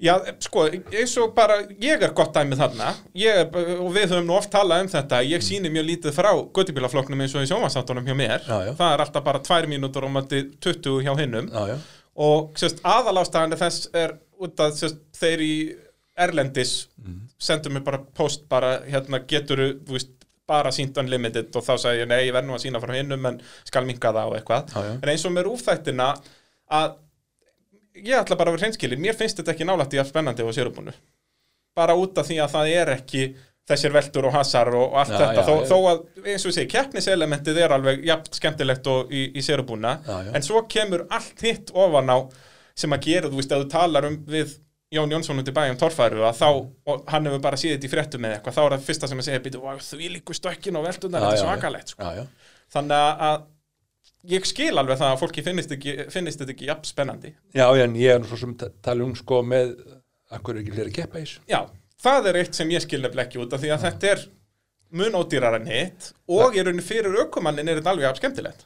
Já, það, veist við erum alveg að hérna, taka sensa líka sko. Já, já, veist, við erum bara á allt öðru fórsendum sko Já, ég segja, þú veist, fyrir aukumannin, þó ég hef nú ekki prófað þetta, en ég hef heyrt aukuminn tala um þetta, að, að þá er þetta jafn skemmtilegt út að þú ert alveg jafn nálagt í að vera velta í hliðarhöllunum og allt þetta, þú veist, þú færð alveg sömu tilfinningu. Já, já, og, og, og, og þú þarft að keira náttúrulega allt urhildinu sér búin bíl að því að þú hefur ekki gripið sko Já, þá er þetta orðið í rauninni meira challenge, Já, já. út af því að þú verður að byggja upp hraða áðum þú kemur í brekkurnar og allt þetta, Já, já. sem getur verið ansi strempið, svo sérstaklega þetta er eitthvað og Nákvæmlega. eins og við höfum séð. Já, já, og hérna þannig að ég skil það mjög vel en, en eins og ég segja, það er ekki þessi sami hamagangur og allt þetta en þá er ég samt líka er ég að tala á móti mér þar og út að ég er samanlegaður með sest, pælingarnar þínar að gera þetta meira að ökuleikni og svoleiðis, ég vill að göttibílaflokkurum fari aftur eins og þetta var í rauninni. Og, Já, ég veist, sko, það, það þarf að vera svona uh, þannig við náum í refsingar hér og þar og, en við getum alveg endað upp, í- upp stóra brekkur skilur, sko. já. það er allt í lagi en það þurfa bara að vera hindranir áður sem búa til refsingarnar sko. Akkurat, og bara svona gera þetta keppniselement í gera meira úr því og þá geti ég skilur eftir tvö ár sagt að heyrðu, göttubílaflokkurinn er núna svo skemmtilegur út af því að það er í rauninni harðari keppni þar heldur en í sérubúnum þó að séu ekki með hamagangin út af núna er þetta þú veist, keppniselementin eru þau sömu nema það er bara meira hamagangur í sérubúna Já, já, já. það væri snild ef að göttubílaflokkurinn væri þannig að, þetta er alltaf bara heyrðu, nú verður hann að fara beint í gegn þetta hlið annars, hann bara getur ekki tapað þessum 20 stuðum þarna. Og þú veist að við erum að fulla að pæla í því en ekki endilega að hann var að stökka 40 metra upp í loftið og allt þetta sko. Skilur að, að, þannig að ég ætla bara hér með að hvetja keppnisaldar að að færa þetta aftur í þetta horf. Erum við ekki saman um það stinu minn? Jú, jú, það má alveg, alveg laga þetta til sko. lagið aðeins til. Já, hérna þessi ár sem þú ert ekki að keppa í torfærunni þá ertu nú samt á fullu að hjálpa í hinn og þessu, þú ert bæði já í servis í, í, í torfærunni, ert mikið með Sigga Axels er það ekki, á Fríðu Jú, þetta er, ég var náttúrulega aðstofmaður hjá mörgum hann byrjaði hjá Þorsteini fór svo til Kjartans svo fór ég til Sigga Axels á Fríðu Ertu það þá með honum hérna bara hvað, 95, 6, 7 Já, hvað svo leiðis, já. Selur hann ekki 98 til Björn Singa, ég held það. Jú, það er sannlega rétt hjá þér sko. Og þú keppir nú á Fríðu Greis í samspilnu hann 97 Já, já, Hvernig var það? Það var nú léttari bíl og, og meira afl og það var bara mjög skemmtilegt sko. það ekki, fá Já. alvöru svona sparki í rassinn Já, þetta var svona uh, allt öðruvísi heldur en villisjeppin sko.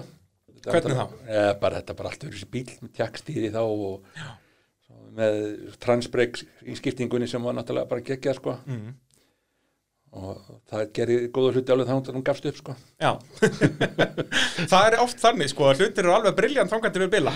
Já, já, en þetta var mjög skemmtilegt að prófa þetta og, og en, hérna, já, já gott tímabil verið með Sigga Axel þannig að svo þegar hann hættir þá fer ég til Sigga Jóns Já, og ert með honum þarna í svona þessum Glory TV árum torfærunar Já, já. Þarna í kringum aldamót er með honum alveg til 2007 8 Já, í rauninni bara þegar að þú byrjar að keppa aftur sjálfur í rauninni, út af því að hann í rauninni þið eruð að keppa, er Siggi ekki hægt að 2008? hann hættir 2009 2009, já.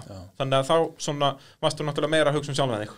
Já, já, hérna fyrsta sumarið og þá einmitt, fekk ég sníkt ég að fara með honum sko, Já, akkurat. í sendibílinn hjá honum sko, og, og hérna sem var náttúrulega frábært sko. Já, já. Og svo ertu eitthvað að vesanast í kringum rallycrossið líka. Ertu að hjálpa Palla Páls þar já, já, og keftir um hitt líki samspilna á bílnum hans, já, já, Mustangum. Múlstón, já, já kefti líka í rallycrossi á, á Jarisnum Já, alveg rétt. en það var mjög stutt og snögt Hvernig þá? ég náttúrulega bara, það var góðu bíl að hann fór hratt og ég var ekkit alveg klára á því að hvernig átt að kera svona hratt þarna sko. Nei. bara yfirkerið mig og, og kerið á Já, það er svo leiðis. Varstu að skemmilegja já, og... það var einhver að skemma hennar bíl, ekki gerið hann Nei, nákvæmlega, hann var alltaf bara ræsti og fór bara í fyrsta sendi og keirið svo bara fimm ringi. já, já, maður, maður ætlaði sér bara stóra hluti sem var náttúrulega bara rámt Já.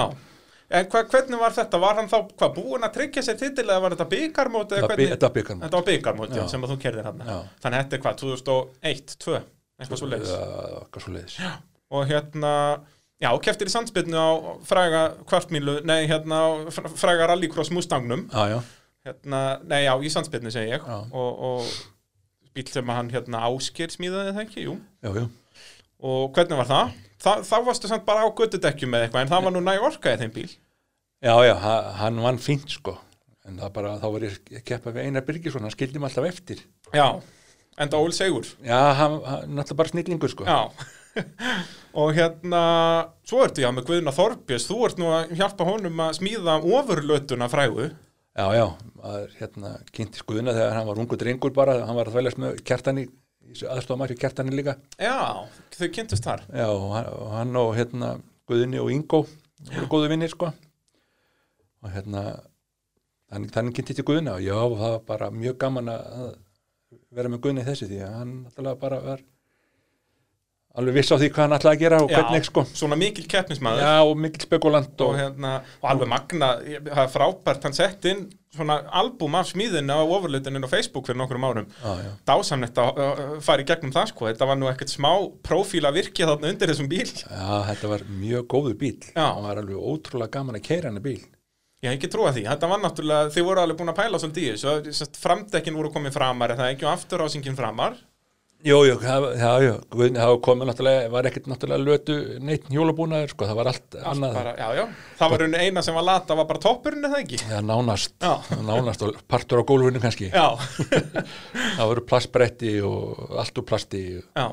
Þetta var bara geggja apparat, Já, sko. Vest með bara vélinn hjekk aldrei í þessu. Hann sprengdi vel í öðru hverju hitti þannig. já, það var náttúrulega svolítið graður á nýtradakkanum, sko, Já, og alveg nóg af nýtrói líka. Hvað, þetta var Fiat Twinka með þengi í þessu? jó, hann, það hafi verið að setja inn 75 hesta að nosi inn á hann, sko, Og vélinn er kannski bara svona 160 hestöfli. eða max, sko, Já, þannig að þú ert að setja þarna 50% afli vélar aukalega. já, já, veist, hann, var, hann var mjög skemmtilegur þá, sko, Já, já, en, en ekki langan tíma. nei, þetta var náttúrulega bara ekkit sérsmíðið neitt, sko, þetta var náttúrulega bara standard hlutir, sko, Já, já. nánast, sko, Akkurat, akkurat. Semst velbúnaður. já, Hérna, svo kemur árið 2006. Þá er búið að vera kepp í torfærinni hérna í fjöldamörg ár með þessum sérubúna flokki og sérubúna guttubílaflokknum sem er þá orðin bara, eins og vorum að tala um áðan, eiginlega bara sérubúnir, bara öðruvísi dekk. já, já, já. Og þá kemur þessi hugmynd með að fá aftur gamla góða guttubílaflokkin, eins og þetta var hérna árið 92-3. Já, hugmyndin kemur rauninni 2005 sko. Ok, hvernig fer, fer það ferli fram með mitt? Er bara Páll Bálsson ringir í mig og, og hérna segir Steini verður við ekki að vera vekja hana flokk. Já, það er svo leiðis. Já, Þú ert alltaf með villi sinn bara út í skúr.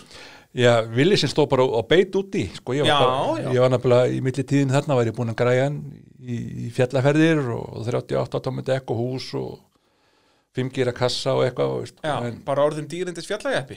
já, en ég notaði hann ekki Nei, það er svo, þú nefndir ekkert upp á fjall. Nei, ég prófaði þetta og, og ég var ekki að fíla þetta Nei, og þar lendi stóðan bara úti og var bara að grotna niður En hvað, var aldrei einhver pæling að selja hann eða vildi hann alltaf eiga hann? Jú, jú, ég vildi sölu og Já. það kom bara enginn að kaupa hann sko. Ok, það, eina vandamál var bara að það vildi enginn kaupa hann sem betur fyrir kom enginn að kaupa hann Já, ha. og sem betur fyrir hringdi Palli í þig hann Já, já, hann ringdi í mig og, spurði hvort ættum ekki að fara að gera eitthvað í þessu og við settumst niður og byggum til þessar reglur sem voru, eru til Já, þið eru neru hann á bak við þetta allt saman Já, með náttúrulega víst, að komu akkísmanna, getur kallað það, víst, að lýja þá minni mig. Já, þannig er þetta, já, þannig þetta er síðust ára lýja Þetta Já. verður að lýja Akis nefndinni þarna 2008 Svo held ég að Akis að sé að dopna 9, 10, eitthvað leis Já, já, þetta var náttúrulega allt bara gert í, í, í samkomulagi við þá skilur það var það að vera þannig? Já, já, þeir eru hérna- að gera, búa til reglur í rauninni. Já, já, Og hvernig, sem sagt, hver það ferli fram, hvernig býr maður til reglur, þú veist, byrjuðu með eitthvað regluverk og voru það trimma úr því og bæta við eða var það bara aukt Excel-skjál, eða aukt Word-skjál og bara farið að skrifa? Mér minnir hafa nú verið bara nánast aukt blað sko. Já, þetta var ekki, þið voruð ekki með einhverjar, þú veist, sérubúnu reglurnar og voru bara að taka úr og bæta inn í það heldur meira bara, Mér minnir ekki sko. Nei, Það við höfum bara, jú, með okkar hugmyndir og við vissum svo sem hvað var í gangi hérna hinum einn og, og hvernig þetta þyrft að vera veist, til að þetta yrði náttúrulega s- örugt sko. Já, þá náttúrulega horfum við náttúrulega á það að reyna að fá fleiri bíla inn á götunni sko og, og, og sem sagt ekki raun að reyna að smíða eitthvað sérstaklega í kringu villisinn, heldur Nei, bara nei, að reyna að fá, og við, til dæmis var minni mig að, að bílinn var með áðsóðinu húsi þakki veist, Mhm. að þá var nú veltibói já, voru reglurnar þannig fyrst, mér minnir það. Ok, og, og svo náttúrulega hérna svo náttúrulega komu bara ekkert bílar. Nei, það var ekki bara hælúksin hann að fyrstu hjá Já, hérna, fyrstu, Fili. Fyrstu keppnin á hellu þegar við byrjum þar, þar voru við náttúrulega ég og Palli og svo kom Hrólfur þarna á græna í herrajeppanum og, og Davíð Freyr á Sérarki og minnir að, að, að hérna, Jamil hefði komið á landgrúsir stuttum. alveg rétt, en svo komu bara ekkert fleiri sko. Þetta var bara eina keppnin sem þeir kom í og svo kom sko það ár sko, svo kom, jú, svo kom Hælúsinn og, og, og Hannes kemur á Villis og Haukur Já. Þorvald og, fleiri og fleiri og hann það er kemur unni strax aðna 2007 að þá náið alveg góðu Íslandsmúti já, já, það, já, já, það er sem betur fer og, og hérna svo hefur svona verið svolítið lægð í þessu sko. við vorum hérna Já. tímabili hvort við vorum hérna 6, 7 ég held að það sé þarna með sko 2008-2009 cirka á þeim árum að þá náið að vera þarna yfirleitt svona 6 að minnstakosti Já. í, oft kannski svona upp í 8 Já. og þú náttúrulega verið meistari þá já, já, 2009, það er yfirleitt þegar mesta keppnin er að þá verður þú meistari. Já, já. það er bara, það, þá er ég bestur. þá ertu bestur sko. og hérna, en síðan eins og segir að, að þá fór þetta bara niður í þessa fjóra, fimm og hefur bara verið svoleiðis. Já, því miður. Já, það er svolítið skellur sko. Já, og svona eiginlega já, ég, ég verð að segja bara svolítið skrítið að í öll þess ára það hefur aldrei einhvern veginn komið svona einhver sprengja að viti. Það við höfum að vissulega alveg fengið keppnir sem eru 6 og 7, ein og ein Já, keppni en já, það er já. aldrei eitthvað heilu tímabilin. Nei, það er það ekki. Því miður, það væri mjög gaman ef við værum svona, já, 7 til 10 jafnaði. Já, ég held að ef að það næðist svona kjarni sem að væru þarna já, 6, 7, 8 sem væru alltaf Já, já. og svo að bætast í þann ein og ein keppni væru 10 til 12 já, já, ég held að það væri svolítið draumurinn í þessu. Já, það væri frábært sko. og síðan já, þú verður meistar þarna 2009, þurftir að býða þarna í átján ár eftir næsta titli. Já, já, það er ekki margir sem eru með átján ára bíl milli titla í torfærinni nei, nei en, en hérna þetta var á gett sko. En það ekki? Jú, jú. Og hérna, hver er helstu munurinn á bílnum 2009 og 92 þá, hann er afturorinn lengri eða ekki, hann allan lítur þannig út Jú, jú, jú, það er mikill munur á hann þá, sko, en hvað, þetta er alltaf sama skúfan? Alltaf sama skúfan. og en hvað, ertu búin að skipta um grindina sjálfa hann 2009? Og ég eh, skipti hann um grind eins og ég sagði 91 Mhm, og þegar ég velti hann um grinda 91 þá eðilaði ég grindina. Já, og, en ég skipti ekkert um hana fyrir aftur sko fyrir en 95 held ég. Já, að hérna en já, hún er svo grindir í bílum en þá ok.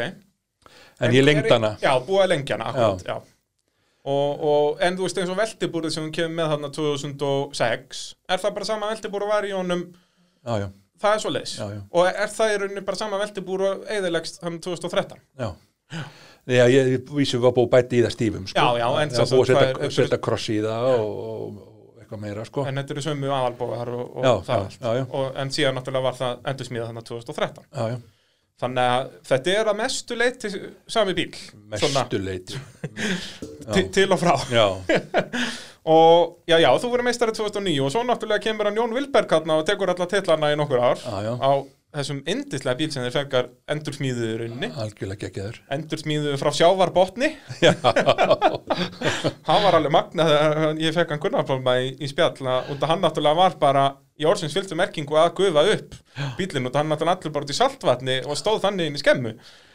En, þannig að, að það var frábært að fá þá inn í þetta. Hann, Jón. Vilberg, meistari 12 og 13 og svo skannaði ekki, þá kom bara Ívar Guðmunds og tók alltaf til hann árin þar á eftir. Já, hann er leiðilega erfiður leiðilega erfiður, sko, Blockin Lúmskur, mér fannst nú alltaf á þessum árum að, að það var bara meira aflega, meira tók eða eitthvað, bara Ívar Guðmunds var hann var ólsegur. Já, hann var bara með miklu með rafleldri en ég sko. Ég, á þessum tíma var ég með vélinar úr fríðu. Já, akkurat, þú, já, býttu, þú kaupir hana 2008, hausti 2008 já, af þá sérst, Já. Björn Ingi Selur Fríðu Greis véla lausa eða, já, já, og hann nátti alltaf vélinn inn í skúr. Já, já. og vélinn hjá mér, ég lendi í því þarna 2008 upp í kollaferðið mitt. Að damperhjólið datt af framan af vélinni. Já, í einni þrauti, allt er misti stýrið og, og hérna það var, var klofin damperinn sko. Þannig að við hérna góður á dýr brjálu keppni og strákarnir lömda saman suðu í sárið og það var ekki kýll það var svoðið bara í segjavarásinn og damperinn var bara rekin upp á. Og ég vissi það svo sem að hérna ég þurfti eitthvað að gera í vélamálum þá. Já þetta myndi ekki hanga svona lengi. Nei, annarkot var að taka þessa vél og skvera hann alveg upp Mhm. og, og gera hann græja eða kaupa aðra. Já, og þessi vél var náttúrulega rosalega góð vél mm.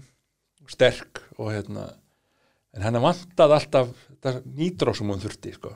já, en hún var náttúrulega miklu kraftmeiritur en gamla vélin sem ég var með sko. en hérna að hún var, hún var keift og sett í og hérna dugði bara mjög vel og stóð sér frábælega og, en mér vantaði alltaf tói svo loksist þegar ég fekk nýtróin þá kipti ég stærri vél já um að gera. Já ég bara það, ég, svo sem ég, ég, ég vantaði ekki þessa vél. Nei. Mér langaði í þessa vél. Og eins og þú segir, það er þarna hvenar er nýtróið leift, er það 2018 eða 17? 2018 18, já. Já. og þá var farið í að kaupa vélina sem er með í honum núna. Já, af, kaupir hann ekki af Hafsteini já, eða Hauk- já, haf, haftinni. Hafsteini og hérna, og það svinvirkaði og hefur virkað vel núna síðust ár. Já, algjörlega frábært sko, þetta er bara stórkostli vél Mín, fyrir mína parta sko Já, það er bara og hefur heldur betur sanna sig. Við skulum fara hérna yfir þessi já, síðustu ár núna í, í næsta hluta. Takk okkur smá pásu. Þið eru að hlusta á mótorvarpið þér á Sport FM 102.5 í Nova Sirius stúdiói podcastöðurinnar í bóði AB varahluta tækjaflutninga Norðurlands, bíla.sins og yðnvela og svo er að sjálfsögðu bíljöfur eh, bílavestæði á smiðivegi 34 að styrkja okkur líka og eh, já, það þarf að fara með bílinni viðgerða þá um að gera skella sér í kópavógin og, og láta rally feðgarna gera við bílinn. Það er ekki amalegt að hafa Íslandsmeistari rally að sjá um bílinn fyrir sig. Og þeir sérhæfa sig í eh, já, Jeep, Dodge og Chrysler en svo bara skiptir engum máli hvaða bíl þú ert á að þeir geta gert við þetta allt saman. Og eh, spurning dagsins er einmitt í bóði bíljöfurs og spurningin til þín, Stengur Mér Bjarnason er hvenar prófaður nýtró í fyrsta skipti í torfæru? Það var 91 Er, getur þú verið nákvæmari? Grindavík Já. Það er næst síðasta keppnin 91 Já, sem er Grindavík akkurat. Þú ert bara alveg með þetta upp á, upp á tíu. það er ekki, ekki oft sem að viðmælendurnir eru með hlutin á hreinu sko, en, en þú, ert, þú ert með þitt á hreinu. ja, sumt af því allavega Það er svolítið svoleiðis. Hvernig var, ég sagt fiskaði þetta úr, úr bladagrein sem, að, sem er viðtal við þig eftir á vinnur titilin 91 og þá talaður um þetta og varst að prófa þetta hann í fyrsta skipti og fannst alveg já, svakalega breytingu. Var það alveg raunin? Var þetta í raunin allt öðru svo miklu betra að fá loksins nýtróið inn? Já, já, ég var náttúrulega bara þarna með standard 351 vél og, og hérna henni munið alveg gríðarlega mikið um að fá 125 plaka sko Já, fá þetta svona spark í rauninni, kemur þá ekki að þetta verður miklu meira svona snerpa Jú, en náttúrulega, ég líki svo oft við það að vera með smálblokk og breytin í bigblokk, sko. Já, akkurat, akkurat ég verður svo mikið, sko. En síðan náttúrulega þegar að þið gerir reglurnar fyrir göttibílaflokkin núna 2006 að þá er sérst aflgjafar bannaðir er það ekki Nýtrófabanna. Nýtró var bannað, það mátti vera með turbo og, og, og Já, blásara og það var allavega ekkert sem minnir að hafa bannað það, sko. Nei, og, og Það var náttúrulega líka vegna þess að það var kannski verið að hugsa um bílagötinu og sumir er að voru kannski með turbin í orginal, sko. Já, akkurat, akkurat. eh, Já, það var ekkert neginn þannig að vera að horfa á það, sko. Og svo náttúrulega eins og við vorum að tala um á þann þá kemur, er, er nýtur og aftur leift þarna 2018 Já. og þá kaupiru þessa líka fínu vaffáttavél Já, og þá fóru hlutinir að gerast. Já, þá svona var meira gaman. þá var meira gaman. Já, þá þurfti maður ekki að stíga í botn svona áður um að koma brekkuna, maður þurfti gæti alveg gert það bara í miðri brekku, sko. Já, það, hérna, og það munar um það. Já, já, maður, veist, tói var það mikið í vilinni að veist, hún var að keira að hálfur í gef þar sem hinn var í botni, sko. Já, og þú bara rétt tapar titlinum til Ívars Guðmundssonar hann 2018 Já. og svo áttu þetta frábæra 2019 tímabil sem vorum að tala um á þann að þá er það ertu með fullt hús stiga úr, úr öllum þremur keppnunum í já. verður örugur Íslandsmeistari í jeppafloknum þar? Já, og svo vinnur allar nema tvær torfærukeppnir já, já. 2019, þá er það bara já, það byrjaði nú ekki vel, þú tapar fyrir, fyrir nýliða á hellu, hvernig, hvernig má, má það vera, þarna mætir Óskar Jónsson á sinni súkku í fyrsta skipti og bara vinnu þig. Já, þegar ég kom í ánuna að hérna, þessi nýja vél, hún þarf svolítið mikið meira loft heldur en gamla. já, og var það í rauninni það sem þið í rauninni byggust ekki við, þú voruð með sömu vassförn og með gömlu en það var bara ekki nóg Já, það, það gekk vatnið yfir bílinn og í loftsíðina svo sem alltaf leið með það, það steind á honum og svo það ég ætla að starta í gang og þá startar hann ekki, sko. Nú, já, og já, bara eins og klikka bara í startarannum og ég bara ok, hann er fullar af vatni Já. og læt bara draga hann upp úr og hérna, tekur hann vel kerti og hann startar samt ekki, sko. Nú, þannig að þetta var ekki það að sílindarnar voru fullir. Nei, nei, hann var bara startarinn stóð á sér, sko. Ég skil. Þannig að svo loksins þegar hann startaði þá kom ekkert vatn, sko. Nei, hann, hann var ekki hérna, það var ekki vandamálið að þú varst ekki, þú varst náttúrulega hrættur um að fara að beigja sti- stimpla á eitthvað að reyna að setja hann í gang en Já, já, það svo var kom það að það var raunin að það var ekkert vandamál. Nei, nei, en þannig lendi komst ég náttúrulega ekki yfir ána og tímabröðinu þar. Og fekk náttúrulega bara að lítast yfum en svo í mýrinni þá náttúrulega komst ég ekki yfir mýrina því ég bara kemst aldrei yfir þessar anskotast mýri. Þessi helvitis mýri er ekki búin að vera góð við þig. Það var sama vandamál í rauninni þar líka. Þegar ég horfi í endamarkið þá koðnar hann niður út að drull hann er búin að fylla lottsíðina sem er inn í bíl, beni sko. já þannig að það þarf ansi mikið að drullu til að gera það.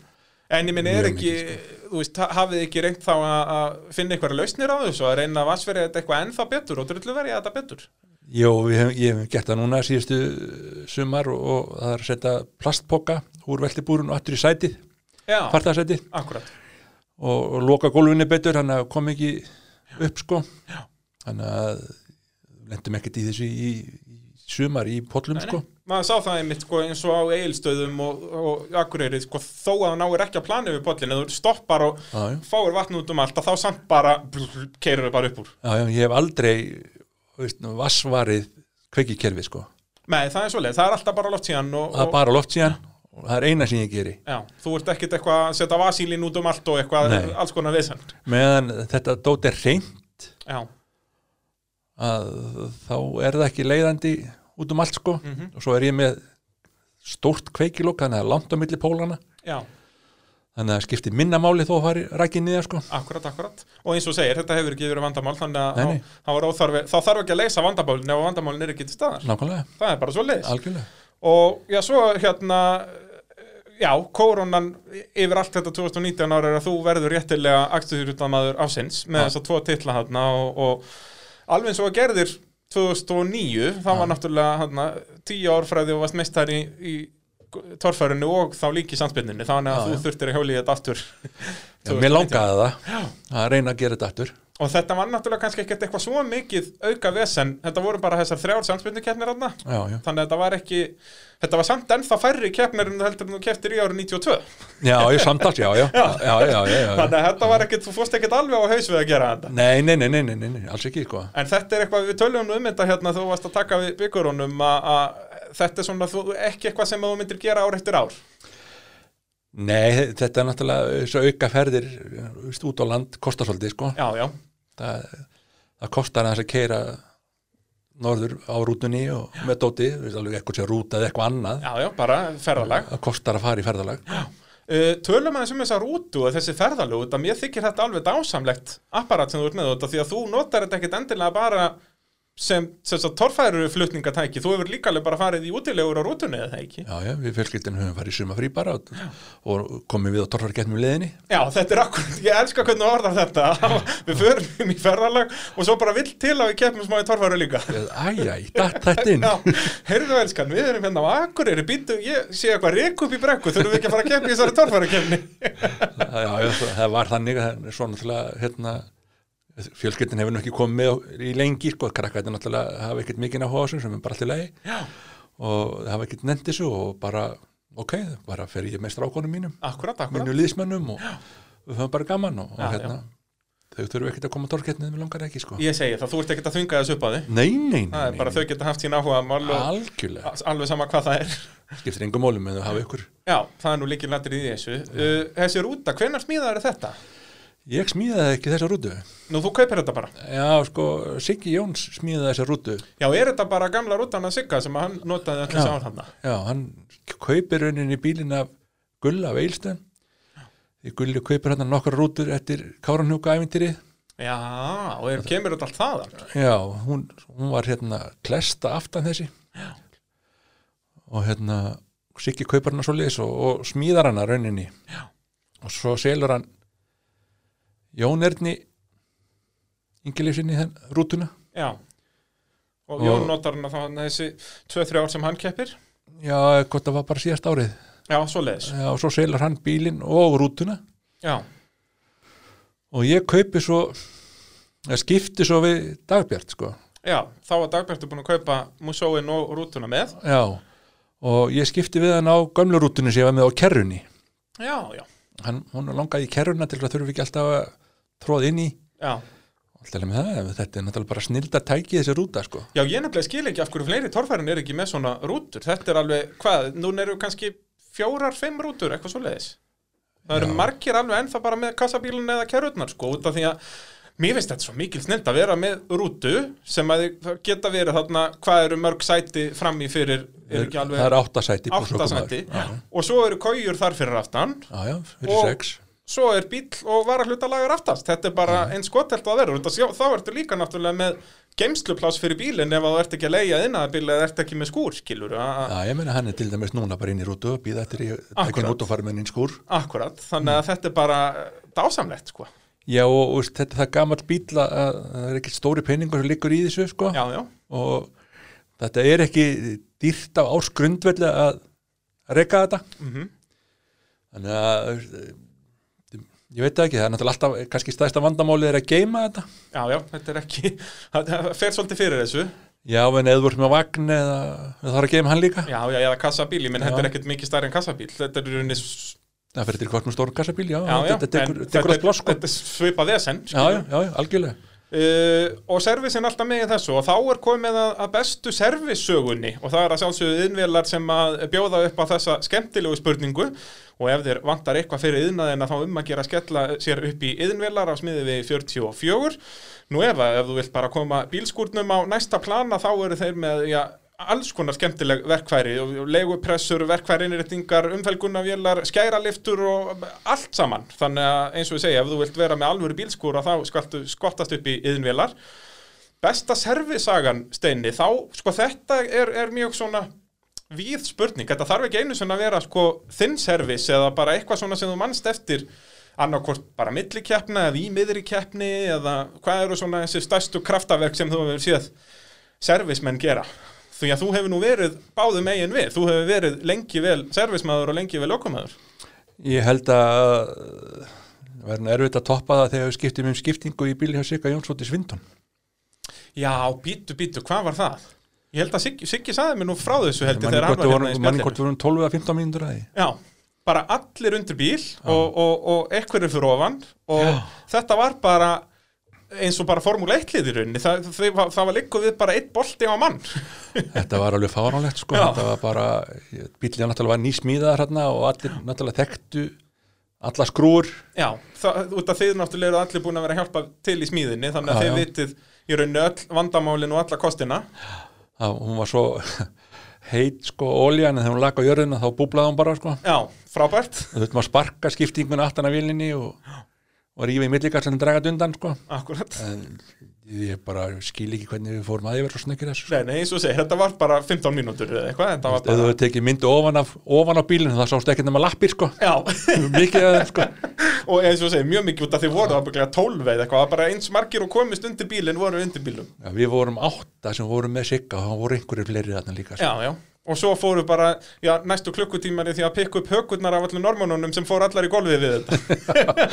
Þetta var alveg magna sko. Þetta var, já, ég, ég ekki trúa því að það hefur verið, já, ansið skröldlega að fylgjast með þessu að bara þú blikkar auga og það er komið ný skipting í bílinn. Já, Hérna, það var eilsvöldis já, og þetta er nú bjútið við torfæruna að það er líka, það gerast magnaðir hlutir inn í pitt líka. Algjörlega, algjörlega og, og það sem er náttúrulega líka stór þáttur í öllu sem maður er ennþá í þessu það er náttúrulega er fólkið sko. Já, félagskapurinn er þetta er svo stór magnað. Það er bara, eru allir vinir? Þó við sem í samkeppni að þá fáum við lána hjá okkur öðru með okkur vandar Já.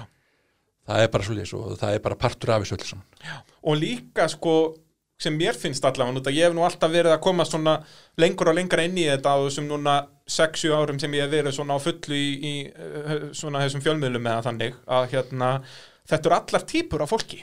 Þetta er, þú veist, eins og í fótbolta eða, eða já, flest öllum öðrum íþróttum, þá er þetta yfirleitt svona mjög svipaðar já, já.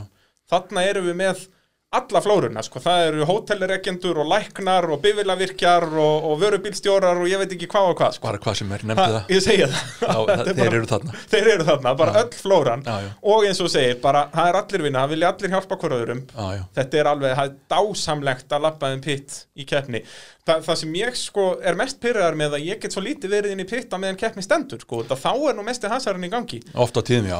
Og líka svo skemmtilegt sem ég hef alveg fengið svona smjörþeyfin af að, að fylgjast með servismönnum meðan að bílinn þeirra er í brautinni sko, af því að það er oft mjög bara gott sjómasefni sko.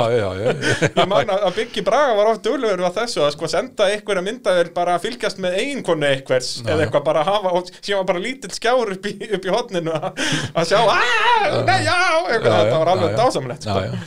Og hérna, en já, þá komið að árinu 2020 og við höfum nú alveg farið svolítið yfir það núna á, í, á, í síðustu þáttum. Þú náttúrulega valt Íslandsmeistari vinnur þrjár af, af fjórum keppnum. Já, já, það var bara hafnafjörðurinn sem, að, sem þeir tekst ekki að vinna. Já, já, og, og ennanar Íslandsmeistari titl núna komið fjórir titlar. Já, já. og ég, var nú að gera svona YouTube-vídeó að setja saman bestu ökumenn torfærunar og þar er þú nú hvar sent ég þið í sjöunda seti, eitthvað svo leiðis eitthvað svo leiðis já, þá sérst var ég að telja þetta bara miða við titla. Já, já, að það eru hann nokkrir með, með 5 og, og 6 titla. Já, já. en, en þið eru líka nokkrir þarna með fjóra. Já, já. þannig að það er nú ekki amalegt á, á svona lungum ferli. Nei, nei, mjög gott. Og hvað, eh, já, hvernig er framtíðin? Þú ert nú eitthvað að pæla í að að breyta einhverjum drif, drif hlutföllum og, og svo leiðis? uh, já, alltaf verði ekki ég hugsa að það verði uppdekning á skiptingu og, og hérna skipta kannski hlutvöld sko. Já, ég held að verði ekki mikið meira það sem ég gerir við bara svona viðhald og, og smá breyting. Hvað, þú ætlar að, hvað, lækka hlutföllin þannig að hann snúist ekki jafn mikið mótorinn? já, hækkaðu heitir það vist Hæk, nú, já, ég, ég er bara Já, bifilaverki, ekki hlusta mig. já, þá snúast hjó- hjólin hraðar sko. Akkurat, akkurat. Já. Og hérna, og, og já, fannst, þú veist, var þetta eitthvað vandamál í sumar eða svona, er þetta bara svona það- lítið tweak? það er sko vélinn vinnur það fínt sko og ég er til dæla lágun drifum að hún er svo fljóta að klára gýrana sko Já, ég hef verið stundum að skipta um gýra sko akkurat. og það er kannski ágætt að losna við það Já. það maður hefur yfir nóg að gera á blessu stýrinu Ég maður líka hæri gýstinginni líka sko að, hérna, það er svona ágætt að pröfa það því ég hef alltaf tíðraunin alltaf verið að freka lágun drifum já. og hérna maður prófa að fara aðeins í hæri drif Já. svo hvað hann gerir. Hvernig finnst þér svona þróunin í þessum flokki vera núna? Erum við ekki svolítið að fara bara aftur í sömu vittleysu innan gæsalappa og við vorum með hérna 95-6 að, að þú veist eins og bara núna hvað finnst þér um smíðin á nýja pjaknum? ég finnst hún bara fín sko Ok, ég sko þetta er bara er þróun sko. Já, og semst fyrir hlustendur sem veit ekki að þá er sem sagt Eðvald Orri og hans lið að smíða nýjan pjakk og það er í rauninni samkvæmt myndunum sem ég hef séð er þetta nú bara alveg ja, flott smíði og, og sérubúnu bílarnir nema hann ætlar að skella númerum á þetta og það er vissulega profílgrind undir þessu, þetta er ekki bara rör já, já, já, en, en smíðin á þessu, þetta lítur ertu ekki sammála mér þar, er þetta ekki bara mjög svona sérubúna bílalegt? Jú, jú, það er það. Við erum náttúrulega eins og með minn bíl til dæmis, sko, ég er náttúrulega háður í því að, grindin í honum er svona. Þú ert ek- ekkert búin að hækka hækkana framann og aftan eða neitt svo leiðis, þetta er ennþá svona tiltölulega flatt allt bara. Já, já, og hérna, það er náttúrulega heftar, heftir náttúrulega fjöðurinn, sko. Það, til þess að hann fjæðri vel verður rauninni bara hækka allan bílinn. Eða þá þarf ég að hækka grindina rauninu og lækka mig, sko. Já, Og ég á svo erfitt með að, ég get ekki gert það í bílum núna vegna þess að veltibúri til dæmis kemur inn í miðja, hjólskála 18, sko. já, Ef ég fer að hleypa hjólun lengur upp þá er ég komin í það. Þannig að þú ég ætla að að smíða ykkur bara nýjan bíl. Já, og Já. ég nenni því ekkert Nei, nei. og fyrir utan að það kostar alltaf peningar smíðan í að bíl sko. En þetta verður mjög áhugavert, ég er mjög spenntur að sjá bílinn hjá Orra í, í keppni. Já, þetta verður frábært sko. Þetta verður út að líka, hann verður náttúrulega alveg með einhverju svona skúffu eða allavega hliðunum af skúffunni þarna. Já, þetta verður villi sépi Já, já, þannig að þetta á eftir að svín lúka og þetta hann náttúrulega verður svakalega ár og, og svona keppnislegur. Já, já, bara flottur sko. Já. Þannig að það verður áhugavert. Þannig að þú hefur ekkert áhugjur að þessari þróun sem er núna að, að þetta er komið í... Hvernig er þetta núna? Það, að bílarnir verða að vera númerum en þeir þurfu ekki að vera skoðaðir. Jú, þurfa, það þurfa að vera skoða Þurfa að vera er skoðaðir. Já, var það ekki svo leiðis? Nei, svo eru margir náttúrulega mótfallið í að bíla þurfa að vera skoðar mér finnst það bara persónulega finnst mér það bara mjög mikið prinsipatriði vegna þess að þegar bílinn er skoðar þá hangir náttúrulega á ákveðinu reglum Akkurat. Að það er í rauninni sjarmurinn við hennan flokk, finnst Já, mér. já, að, að þarna eru, þú gætir keirt á, á keppnina á bílnum þó að þú Já, gætir það svo sem kannski ekki alveg en, en maður mað getur alveg að fara rúndin, það er ekki vandamáli sko, það er bara, það sem er aðalatir kannski eins og með minn bíl að rúnda mikið það er aðalega sjálfskiptingin sko. að því konventurinn stóla svo hátt að hún myndi grillast fyrir rest sko. en svo kannski er ekkert máli að keira, ég er svo sem ekkert prófað það sko. En svo náttúrulega eru þeir allir, þeir eru allir komni með tjekstýri er það ekki, þó að verði bara að vera bengtengt í rauninni. jú, jú, ég, er bara hjálpa dekkur Já, akkurat. Þetta er ekki, og, og stýrismaskina og allt svoleiðis og það er allt lögulegt við þetta, það er bara annarkver ferða þjónustu bíl á 40-60 dekki með svona hjálpa dekk já, já, annars bara þyrti, þyrti hérna fj- fjallið til að keira þetta? Já. Eitthvað, eitthvað, eitthvað, þetta bara gjör breyti svo miklu álægi líka bara á veist, ég fann bara rosalegan mun því ég setti hann að tekki í hvað ég þurfti minna hamast á stýrinu já, akkurat. Þetta er orðið bara svona þægilegur akstur.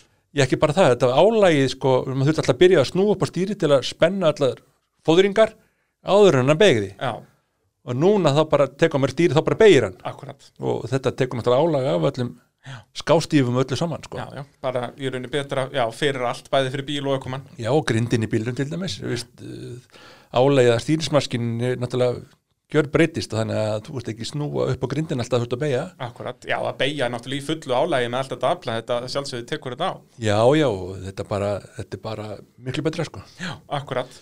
Þannig að, að það er bara fullferð árið 2021, það þýðir ekkert annað ég, Það er að stefna núna. Og vonandi bara að fáum fleiri, fleiri keppendur í flokkin. Það er nú nót til af þessum guttubílum, það er bara ekkert verið að keppa á þeim. Já, það er það vantar fleiri, það er alveg greinilega, bara nöðsynlegt að fá fleiri sko og maður vonar að komi fleiri núna. Já. Og hérna, við verðum allavega fleiri heldur en þrýr, fjórir, það, það er bara er ekkert skemmtilegt sko. Nei, nákvæmlega, sko, það er nú, uh, já, þeir eru um Íslandsmeistari ralli búin að kaupa hérna Kölska. Þau eru gaman að sjá hann Pálma þar á, á, á, á gamla bílum hans Ívars og, og Ágúst. Já, já, það Og- er bara gaman að því Og svo er hann nú að líka selja gamla Frosta, er það ekki? Það vonandi að kaupi hann ykkur og skelli honum í guttubílaflokkinn. tilvalni bílið það, Nákvæmlega, þannig að það, framtíðin er bara björt, ef ekki segja það. ég ekkert annað Það er ekkert annað, það er bara þá búið að vera frábært að fá því í spjall, steinu minn. Takk fyrir það Og já, hlustendur, takk hérlega fyrir að, hlusta á allt þetta blaður í okkur og, og ég bara þangað til næst. Bless, bless. Bless, bless